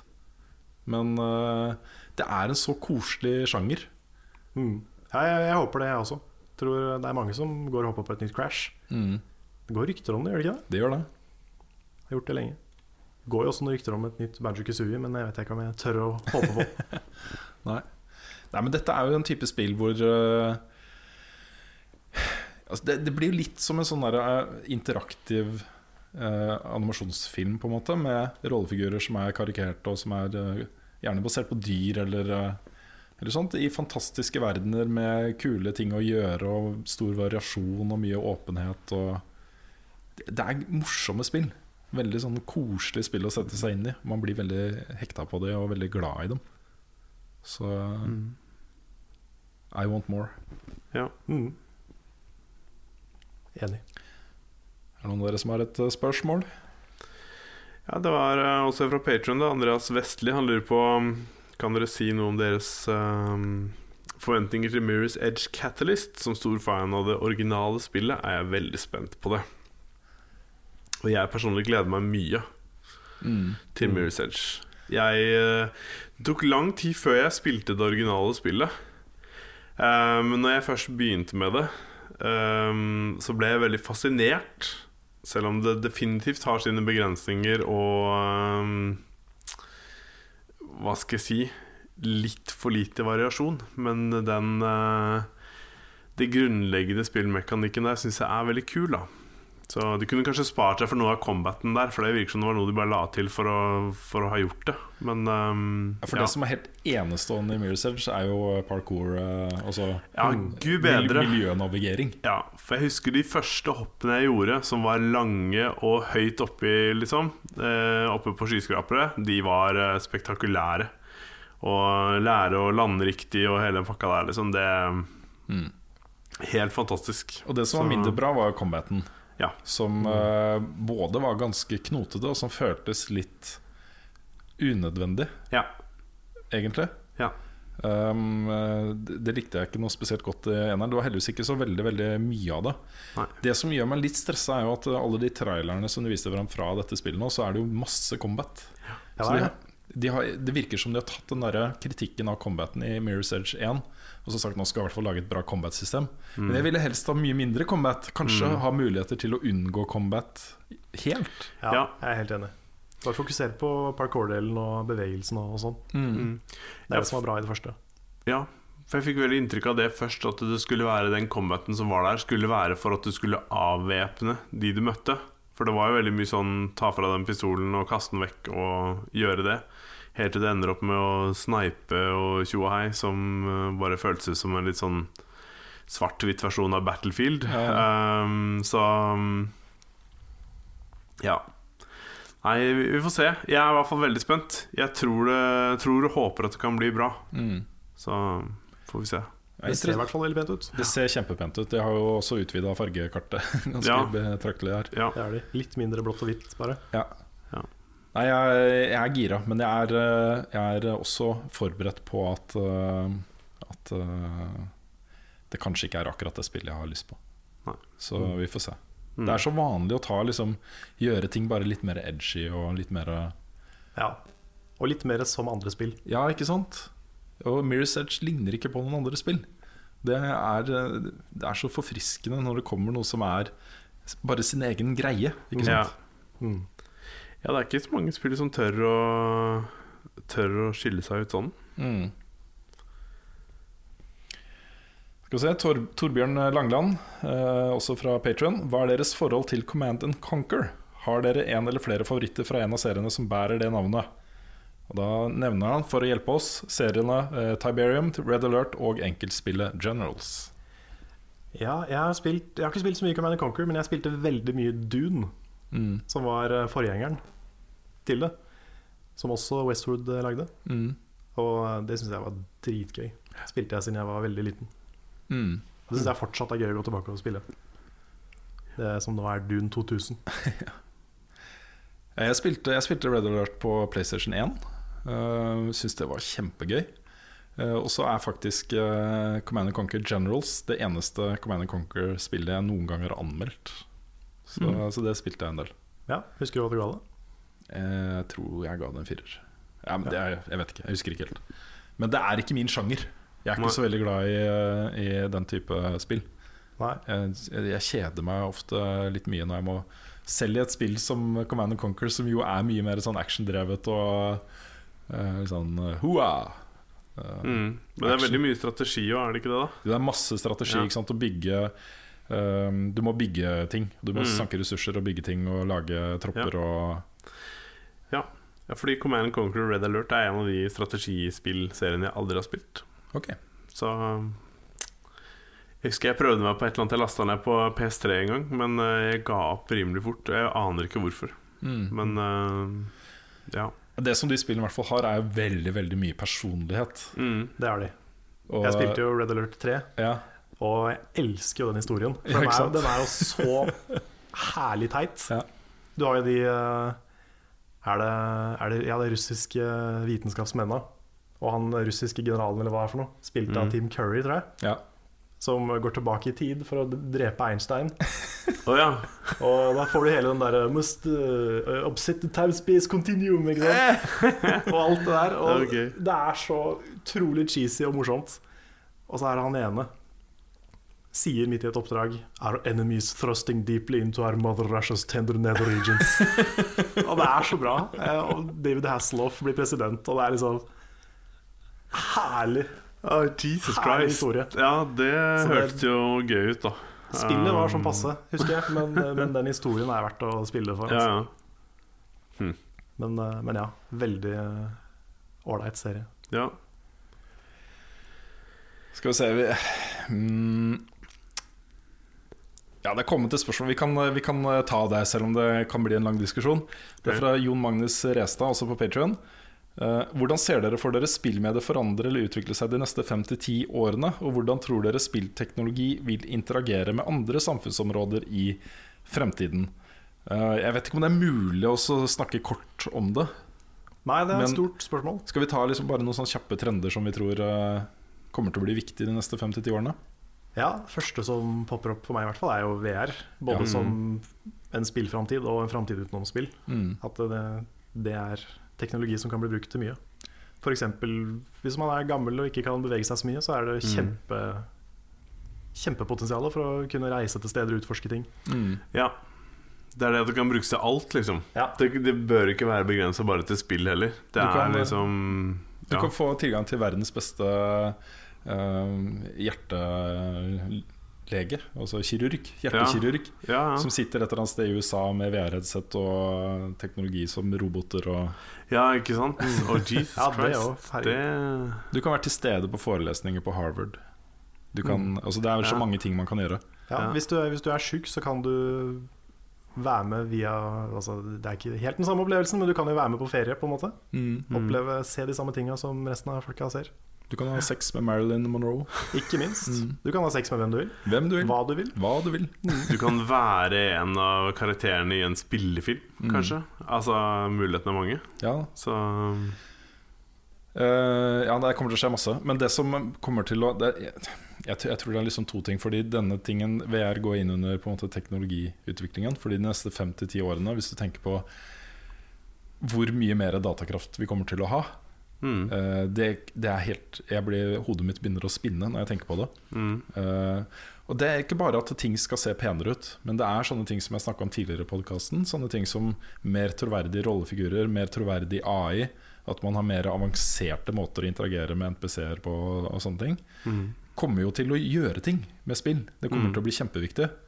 Eh, Så det har du på den ene siden, at ting kommer til å se bedre og bedre ut. Mer og mer realistisk og oppleves som mer og mer troverdig. Eh, Men så har du den utviklingen med eh, spillskapere som prøver å formidle ting, eh, og som kanskje eh, det vil komme flere og flere av. At du får flere og flere interessante eh, stemmer som mener noe, som lager spill, som har viktig budskap, som har viktige ting å formidle, og som kanskje lager ting som ingen har sett før. Det kommer du også til å se mye av. Jeg tror også de, de barna som nå er hekta på Minecraft, Uh, noen av de kommer til å vokse opp og lage en ny bølge med veldig kreative spill. Det tror jeg også. Det er jeg helt sikker på. Mm. Det gleder jeg meg til. Og det kommer til å skape enda flere barn som lager uh, Ja, ja, enda flere kreative ting. Og, Sånn går det jo dagene. Ja. ja. nei, det er uh, What a time to be alive. Det er noe med det. Det er en spennende framtid. Mm. Mm. Eh, Vi tar ett kjapt eh, bare sånn generelt eh, spillspørsmål til, og så har vi fått en del spørsmål som går mer på selskapet vårt. Så vi kan ta det på slutten. Ja. Um, skal vi se Vi tar en liten vignett her, for nå ringer oppvaskmaskinreparatøren min, tror jeg. Oi, oi. Yes. Ja, det var oppvaskmaskinreparatøren. Det er derfor vi sitter hjemme hos meg. Fordi jeg skulle være her mellom tolv og fire. Ja, Så du må være sånn hjemmevakt. Hjemmevakt. Uh, og han er her om en halvtime, så da passer det bra at vi snart runder av. Eh, men det, det spørsmålet jeg tenkte å ta, var fra Iver Rye eh, fra Patron. han lurer på om noen av oss har tenkt til å prøve Overwatch når det kommer. Er det et spill noen av dere kunne tenke dere å lage en anmeldelse på? Og jeg vet du er gira på Overwatch, og jeg vet jeg er gira på Overwatch, eh, Lars. Ja. Jeg eh, skal definitivt eh, både ha det og prøve det, for å si det sånn. Det, det, ser, eh, det, ser, veldig, veldig bra ut, og det lille jeg har spilt av det, er eh, fantastisk. Det er Jeg har sagt det før, at når Blizzard gjør en ting innenfor en eller annen spillsjanger, så bare De perfeksjonerer ting. Mm så vilt. Det er skummelt å si nå, før ting har kommet ut, men jeg, den, det som er ute og tester nå, er antageligvis så close til hva spillet vil være, at det er liksom ikke så ille å si noe om det, føler jeg. Nei, Det virker så polert og så ja. gjennomført og lagt ned så mye arbeid i de forskjellige ja. characterene og ja. uh, unike måter å spille på. Mm. Dette er et spill hvor du kan gå inn og liksom Ok, jeg vil bare spille som gunslinger, og så kan du gjøre det. Mm. Eller eh, jeg har lyst til å mikse og matche og spille masse forskjellig, og så kan du gjøre det. Mm, det er uh, kjempetøft. Absolutt. Så mm. Blir nok med på noe, jeg òg. Altså. Det, mm. det, er ikke sånn spill jeg går og gleder meg til, men jeg, jeg kommer nok til å joine. Ja. Nei, jeg, jeg håper at det er et spill som jeg får lyst til å gå tilbake til og prøve. Eller spille mer, da. Mm. Sånn som jeg hadde med multiplayer i gamle dager. Da har liksom Cod og sånn har mista skjermen litt. Ja.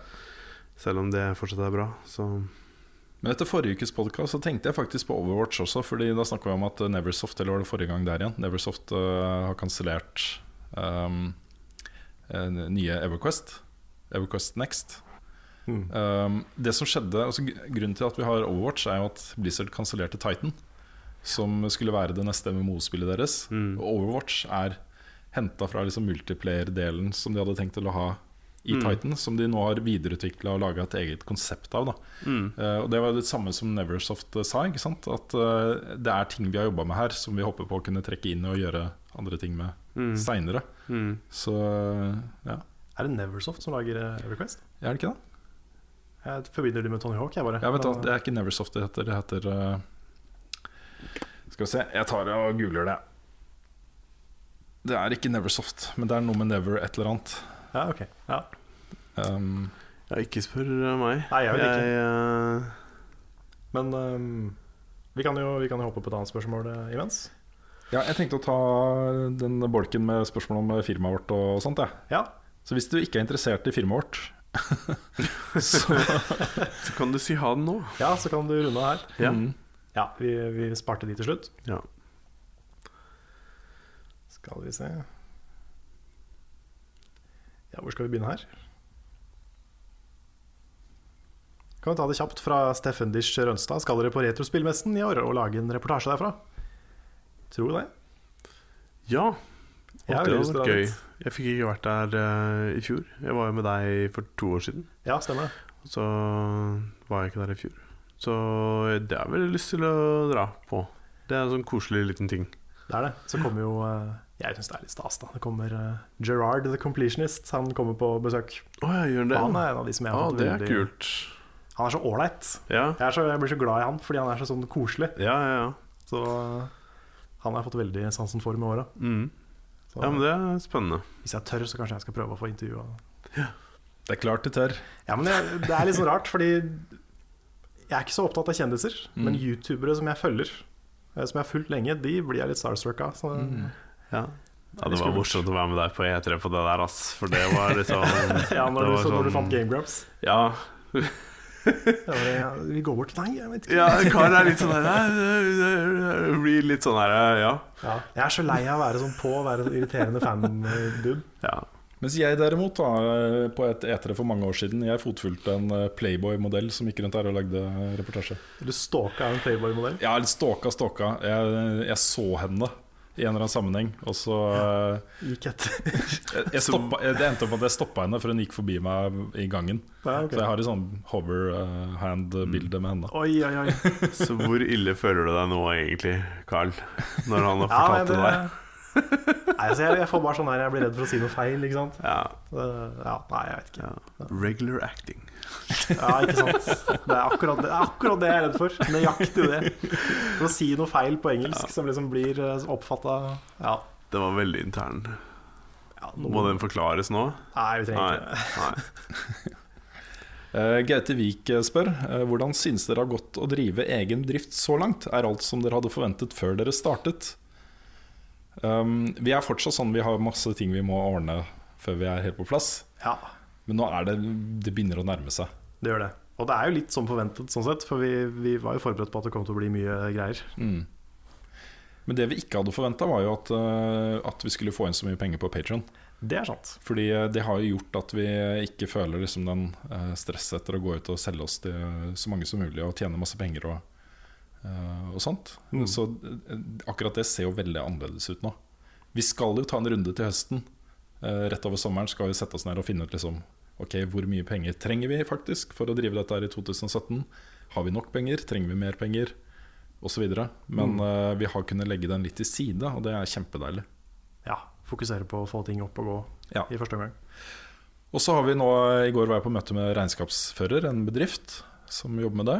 Jeg fant ut at det er jo ikke så himla dyrt. Nei, det er overkommelig i hvert fall. Ja. Eh, Så da faller den biten på plass. Foreløpig så har vi ingen penger i omløp.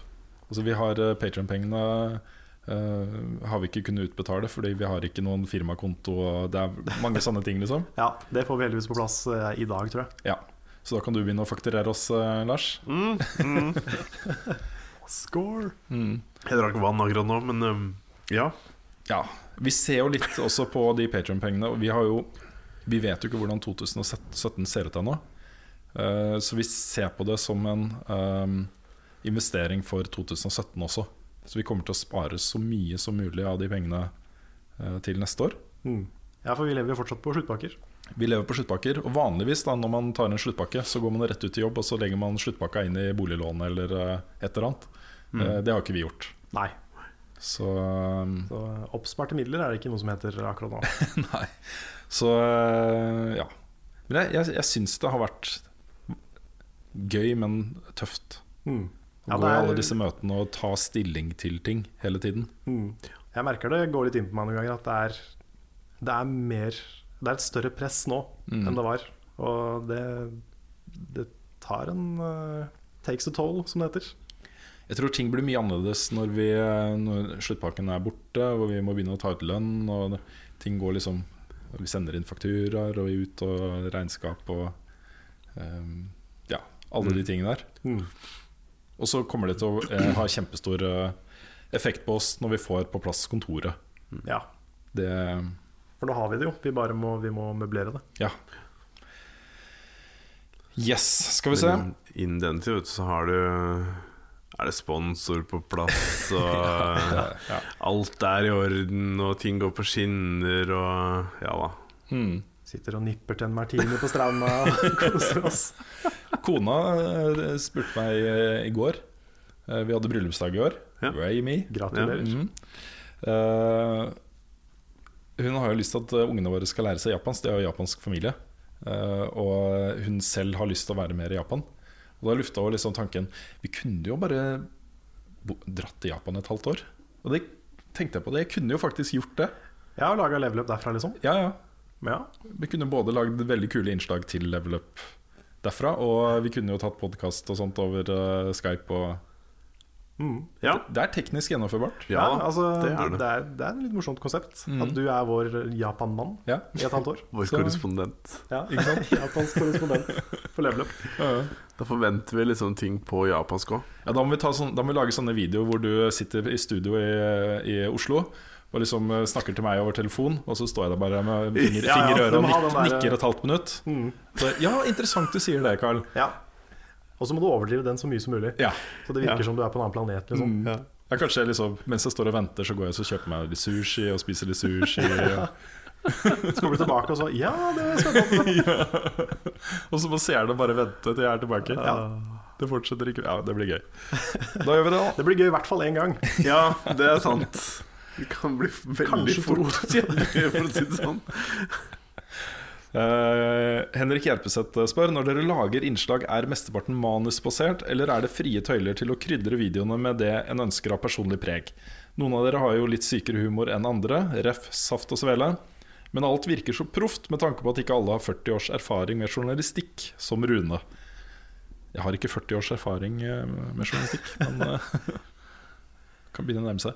Ja, nei, altså, Det er jo en kombinasjon av de to, egentlig. Det er jo, vi har jo manus, men vi skriver jo også våre egne manus.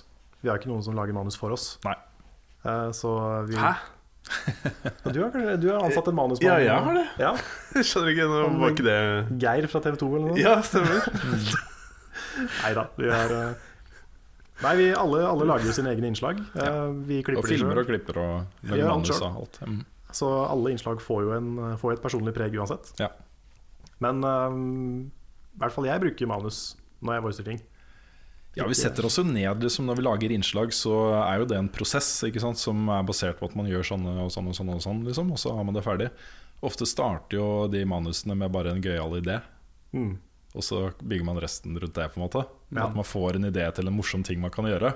Og så finner man ut at det passer veldig godt hvis, jeg, hvis det kommer rett etter at jeg snakker om disse tingene, så blir det kjempegøy. Og så lager man manuset ut fra det. da Mm. Så det, det skjer jo en del. Ja, jeg kan jo ta et eksempel, da, siden vi eh, nylig publiserte Dark Souls 3-anmeldelsen. Der, eh, der var det veldig mye som var litt i siste liten. Fordi uh, Svendsen og jeg møttes i Oslo, og vi skulle egentlig ha en tredjemann som både kunne være kameramann og være den døde på slutten. Vi hadde en sånn en sekvens hvor det var en slåsskamp, og Svendsen skulle drepe noen. Men så fant vi ikke en tredjemann, fordi du var langt unna. Eh, vi spurte Audun, vi spurte deg, vi spurte overalt. Så det at det var Svendsen, hele den der 'det var meg hele tiden'-sekvensen, den var jo bare skapt av at vi ikke fant en person. Ja, Så Det ble jo veldig bra, da. det ble jo, vi løste det jo på en ok måte. Ja. Men, eh, så det var bare fordi vi ikke fant en person som kunne spille han døde. Så, jeg ble litt det samme med uh, Ratchet Clank. Nei, vent da. Hvilken anmeldelse var det? Var det? Jo, Ratchet Clank-anmeldelsen jeg lagde. Hvor jeg satt her og hjemme og skulle bare filme den. Så hadde jeg et manus Uh, Men så tenkte jeg at jeg må gjøre noe mer. Og da bare sånn, jeg legger et puslespill Og så snakker jeg litt uh, om det. Og så var det noen elementer jeg tok ut av manuset Som jeg snakket om helt muntlig da, til slutt Uh, Sånn etter at anmeldelsen var over på en måte. Ja, Det likte jeg veldig godt. Ja, Men det går an å gjøre litt sånn Ja, men for det, det, var, det er veldig utypisk deg. For, for det første, syns jeg, da. Eh, til å snakke så muntlig og være litt sånn der eh, Du snakker om spillet, men du legger puslepuss. Du er liksom opptatt av to ting samtidig. Og det ble, sånn der, eh, det ble en veldig fin kombinasjon, da. Takk for det. det. var en helt ny type Let's Play. Ja, Ja, Det var kanskje kult. det Let's Ja, og apropos, da, så når, når det er snakk om Let's Plays og livestreams og podkast, så har vi ikke manus. Nei, Det er bare alt, eh, winger vi det. Yes. Nei, vent litt, det står ikke det. er Ikke før neste side. Nei, nå hoppa det over en replikk. Uh, oh, ja, okay. gikk litt Gikk jeg, gikk jeg ut av manus? Ja, nå, Ja, ok, vi gjorde det. Okay. Ja. Uh, Vermund Holvik Hansen eh, spør oss.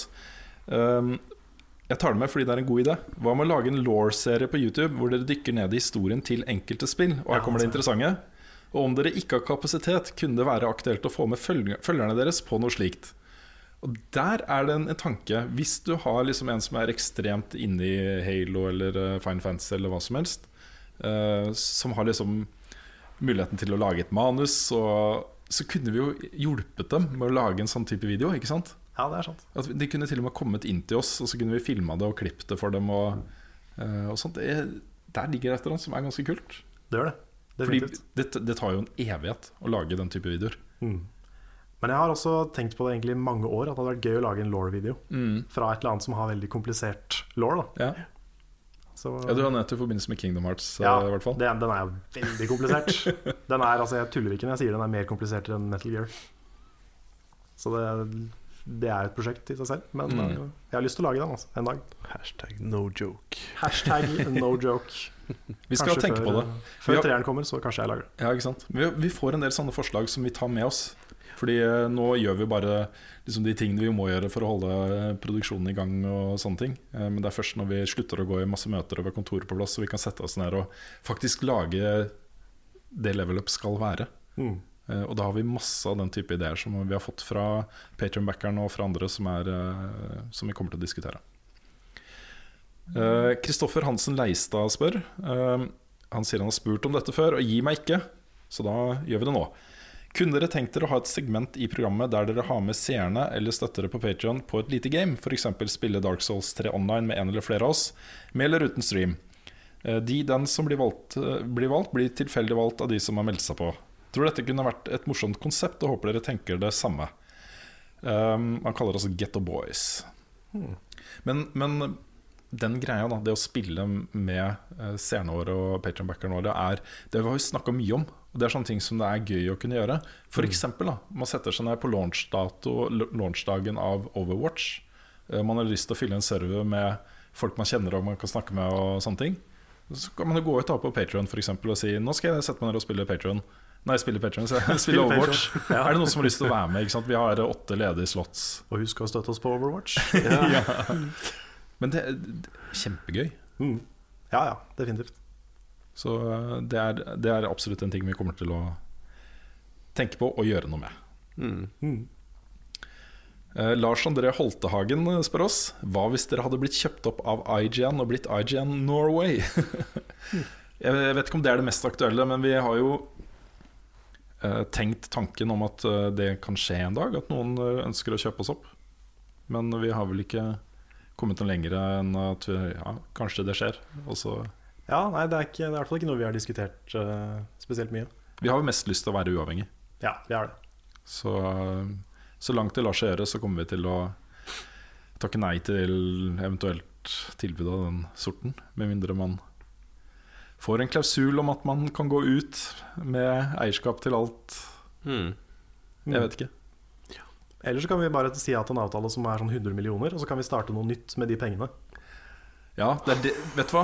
Eh, hvis, man, hvis man skulle tenke i de banene, da at ok, bygge et selskap, eh, noen kjøper oss opp for veldig mange penger, så er det jo på en måte verdien i selskapet er jo ikke level up og eh, de tingene. Det er jo oss som jobber med det. ikke sant? Så vi måtte jo vært med Vi måtte jo vært med på det. Uten det så har det ikke like høy verdi. ikke sant? De kunne ikke bare tatt level up og så satt inn tre nye personer til å lage det. Det hadde ikke blitt det samme konseptet. Nei, jeg vet ikke om jeg hadde sett på Level Up med Petter Pilgaard. Ikke sant? Og tenk, tenk deg liksom alle de som ser på abonnerer på oss på YouTube og backer oss på Patreon og sånne ting. De gjør det fordi de Det er jo personlighetene. Ikke sant? Det er jo liten Så jeg, jeg, tvil tror om. ikke, jeg tror ikke vi bygger en sånn der, eh, mange millioner kroners eh, kjempesuksess, selge oss ut og kjøpe en øy eh, i Stillehavet-greie her nå. Altså. Jeg tror ikke det. Nei. Konseptet i seg selv er vel kanskje ikke så unikt sånn sett. For det er andre som driver med Ja da. i andre land osv. som gjør liksom lignende greier. Kanskje ikke på samme måte, men uh, Ja, Nei, jeg tror ikke vi har monopol på anmeldelser eller sånne ting. Nei, ikke sant? Så, vi Dere anmelder spill, ja! Genialt! det Her har dere ti aldri millioner, tenkt på. Det er 10 millioner kroner. Ingen andre som gjør. nei. YouTube, ja, det er noe.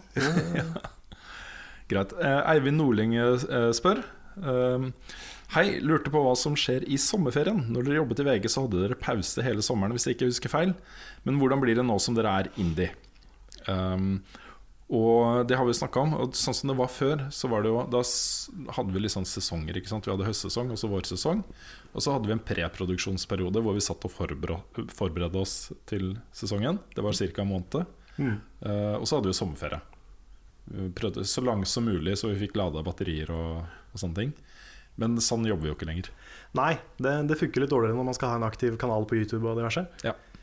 Men øhm, vi har prata litt om det. Du skal jo til Japan i noen uker. To uker da, i sommer. To uker i sommer. Um, det vi er inne på, da, at vi kanskje tar ferie ikke samtidig. Mm, eller i hvert fall ikke vi akkurat samtidig. Kanskje det er en uke som vi har ferie samtidig, men at man ikke tar liksom tre-fire-fem uker ferie samtidig Mm. lenger. Ja. Så da kan det jo være at f.eks. Uh, det blir et månedsmagasin med meg og Lars mens du er borte, eller en, øh, eller en annen kombinasjon av folk. Ja, Podkaster og livestreams og Sånne ting. anmeldelser av ting som dukker opp. Og, Mm. og sånt Og så kan man jo også eh, se for seg at man kan preprodusere litt. Det kan man også. At ting som er litt mer tidløst, klassikerinnslag, Mm. um, Mm. Ting som kan komme ut i, i ferier. Let's Plays. Mm. Så det, det løser vi på en måte som i hvert fall ikke, ikke dreper alle kanalene samtidig. Nei. Jeg vil nok tro at liksom, aktiviteten kommer nok til å gå litt ned i juli. Uh, At ikke det blir like mye. Men eh, vi skal prøve at det skal bli uh, nesten like mye, i hvert fall. Mm. For det er Når man backer oss månedlig, så kan du se det som en slags abonnementsgreie. Man tar det per måned. Da bør det jo komme ting i juli også. Ja, jeg, jeg skjønner jo hvis folk blir litt skuffa hvis de backer oss i juli, og så kommer ikke en dritt i juli. Ja, For da er det jo bare sponser de utepilsen og eh, feriepengene, liksom. feriepengene. Vi får lage en krimpodkast til sommeren. mm, går, går som en sånn serie. ja. Det kan være. Serial. Ja. Serial. Ja, nei, men vi, vi, skal ikke, vi skal ikke forsvinne helt i sommer, eller i, i jula. Men uh, litt mindre kan det kanskje bli. Eh, Siste spørsmål er fra Johan Martin Seland. Og Det er også et spørsmål vi kommer til å gå litt mer i detalj på eh, når ting roer seg litt ned. eh, I løpet av en uke eller to Eh, Spørsmålet er Hva er deres framtidsplaner for Patrions indre sirkel? Eh, Og Dette er jo da de som backer oss med hva er det, 10 dollar eller mer Ti pluss, ja. ja, eh, i måneden. Eh, Som vi også gikk ut og sa at, eh, at de skal tas med til råd når det er eh, store, viktige beslutninger vi skal ta. Eh, Han skriver videre Bortsett fra et ønske om å støtte dere, var muligheten til å komme med innspill på ideer etc. en viktig faktor i å bestemme mitt månedsbeløp. Jeg skjønner at dere har hatt mer enn nok å gjøre i startfasen, men håper det tilrettelegges for f.eks. avstemning på Runes hårsveis i fremtiden. Ellers stay awesome. Du også, Johan Martin. men uh, vi nevnte jo det, var det forrige gang eller gangen for der? At eh, en stor og viktig beslutning vi skal ta nå, eh, som vi faktisk kan sitte mandag til fredag og kvelder og helger selvfølgelig, eh, og jobbe eh, med innholdsproduksjon, er jo at vi må finne ut hvem vi skal være og hva vi skal lage. Ikke sant? Fordi sånn som ting har vært til nå, så har vi jo bare gjort de tingene som vi føler vi må gjøre. Og det er jo å anmelde de spillene som kommer ut som er viktig å anmelde. Eh, Det å ha podkasten, det å ha livestreams, og så da lage månedsmagasin. Ikke sant? Mm. Eh, Men når vi får mye mer tid og ro til å jobbe med konsepter og sånn, så er det så mange ting vi kan gjøre. Det er det. Det åpner seg så veldig. Mm. Vi går jo med sikkert 20 forskjellige konsepter til nye spalter og sånn i, i huet. Ikke sant? Det er liksom hva skal vi fokusere på, hva, hvordan skal vi se ut? Det blir jo kanskje en ny logo etter hvert. I hvert fall en litt sånn redesigna versjon av den vi har. Og der trenger vi Oi, nå kommer du for besøk. Ja, det, Snakk litt mer om det, så slipper jeg bare inn han. Ja, det, ok. Ja, nei, det er jo det er mye sånne ting. Hvordan vi skal se ut, hvem vi skal være, hva vi skal fokusere på. Vi har, eh, vi har spurt litt uh, allerede, kanskje ikke fullt så mye som vi kommer til å gjøre. Men, uh, men ja, vi, vi trenger mye feedback på de tinga. Mm. Og er, vi snakker mye om det sjøl, men det, det er veldig verdifullt å få litt uh, perspektiv fra utsiden også. Ja, Og så får vi så mye bra feedback når vi gjør det. Det er sant. Folk er veldig flinke til å, til å bidra og komme med, med ting som er bra også. Så um, Det er det. ja. Vi får jo lange liksom, tilbakemeldingsposter på Patrion-siden når vi gjør det. Mm. Og kanskje, vet ikke hvor mange det er, sånn 40, 45 poster med masse bra tilbakemeldinger. Da. Mm. Så det er kjempe kjempeålreit. Så det kommer vi til å bruke mye. Ja. Nei, fordi eh, vi er jo også nysgjerrig på uh, hva folk som backer oss på Patreon faktisk ønsker. Mm. Eh, og eh, det vet vi ikke, så vi skal lage en eh, skikkelig undersøkelse på det. Vi skal spørre folk ordentlig til råds da, om hvordan folk vil at vi skal være. Mm. sånn apropos det med Patrion-beløp og sånne ting. Så for de som backer mer enn fem, så har det jo kommet en ny tabbefilm nå eh, i dag. Vet du hva, jeg, jeg, sier, jeg sier ha det bra. Dere kan avslutte, ikke sant? Ja da, det kan vi. Ja, jeg sier ha det nå, jeg, så jeg og snakker med Ja, Med reparatøren din? Ja. yes. Det var vel eh, Er det flere spørsmål vi burde ta før vi Skal vi se. Ja, det kan Skal vi ta en kjapp, eh, kjapp sjekk? Gjør det. Se. Nå, um, Rune måtte hjelpe hjelpe oppvaskmaskinmannen. Ja, det blir eh, Det blir sånn Det blir når det sånn, kommer folk på besøk. Det gjør det. Skal vi se. uh, nei, det var faktisk siste spørsmål, da. Så da, Ja, det var det. kan vi egentlig runde av. Ja. Nei, men da Gjenstår det vel bare å si Det ble veldig avslappa nå. Ja, veldig. Sånn rolig. Bare, bare Ja. to. Det jeg synes også er de, Forresten, de Patreon De burde jo få lov til å være med på å bestemme når folk skal få Om bør Rune få lov til å reise til Japan? Ikke sant? Ferie. Minst. Ja, Ikke er det greit Litt at sånne avgjørelser. Ja. Dette har de planlagt lenge, men er Ja, det greit? Ja. Ja. Syns, eh, syns du burde være få lov til å være med på sånne ting også. Så, Ja, det, første barnet til Carl hete? Det er ja. det første barnet mitt, ja. Ja, Kanskje avstemning på det. Og hva burde neste kjæresten til Lars hete? Hvem, hvem burde være den neste kjæresten til Lars? Ja, Vil er- du være den neste kjæresten til Lars? Alle kommer Du rundt du kan bare ta sånn screen grabs av eh, og forskjellige profiler på Tinder, og så legge det ut, og så snakke litt om det, og så kan, du- kan du velge. Ja, sånn, ja. Ikke sant? Ja. Mm. ja. Ikke minst. Så det er ma mange muligheter. Ja. Men, eh, men vi, vi runder av her, vi. ja. Og sier tusen takk for at dere har hørt på oss eh, gjennom disse Jeg vet ikke hvor mange Jeg vet ikke hvor lenge vi satt igjen nå, men eh, det var en stund. Nærmer seg vel to timer, vel. Blir fort det. Takk til alle som støtter oss på Patron. Det er vi fortsatt, og vil alltid være evig takknemlige for. Det vil vi. Så ja. Tusen takk for oss, og takk for i dag. Vi ses neste gang det skjer noe gøy. Ha det bra. Ha det bra.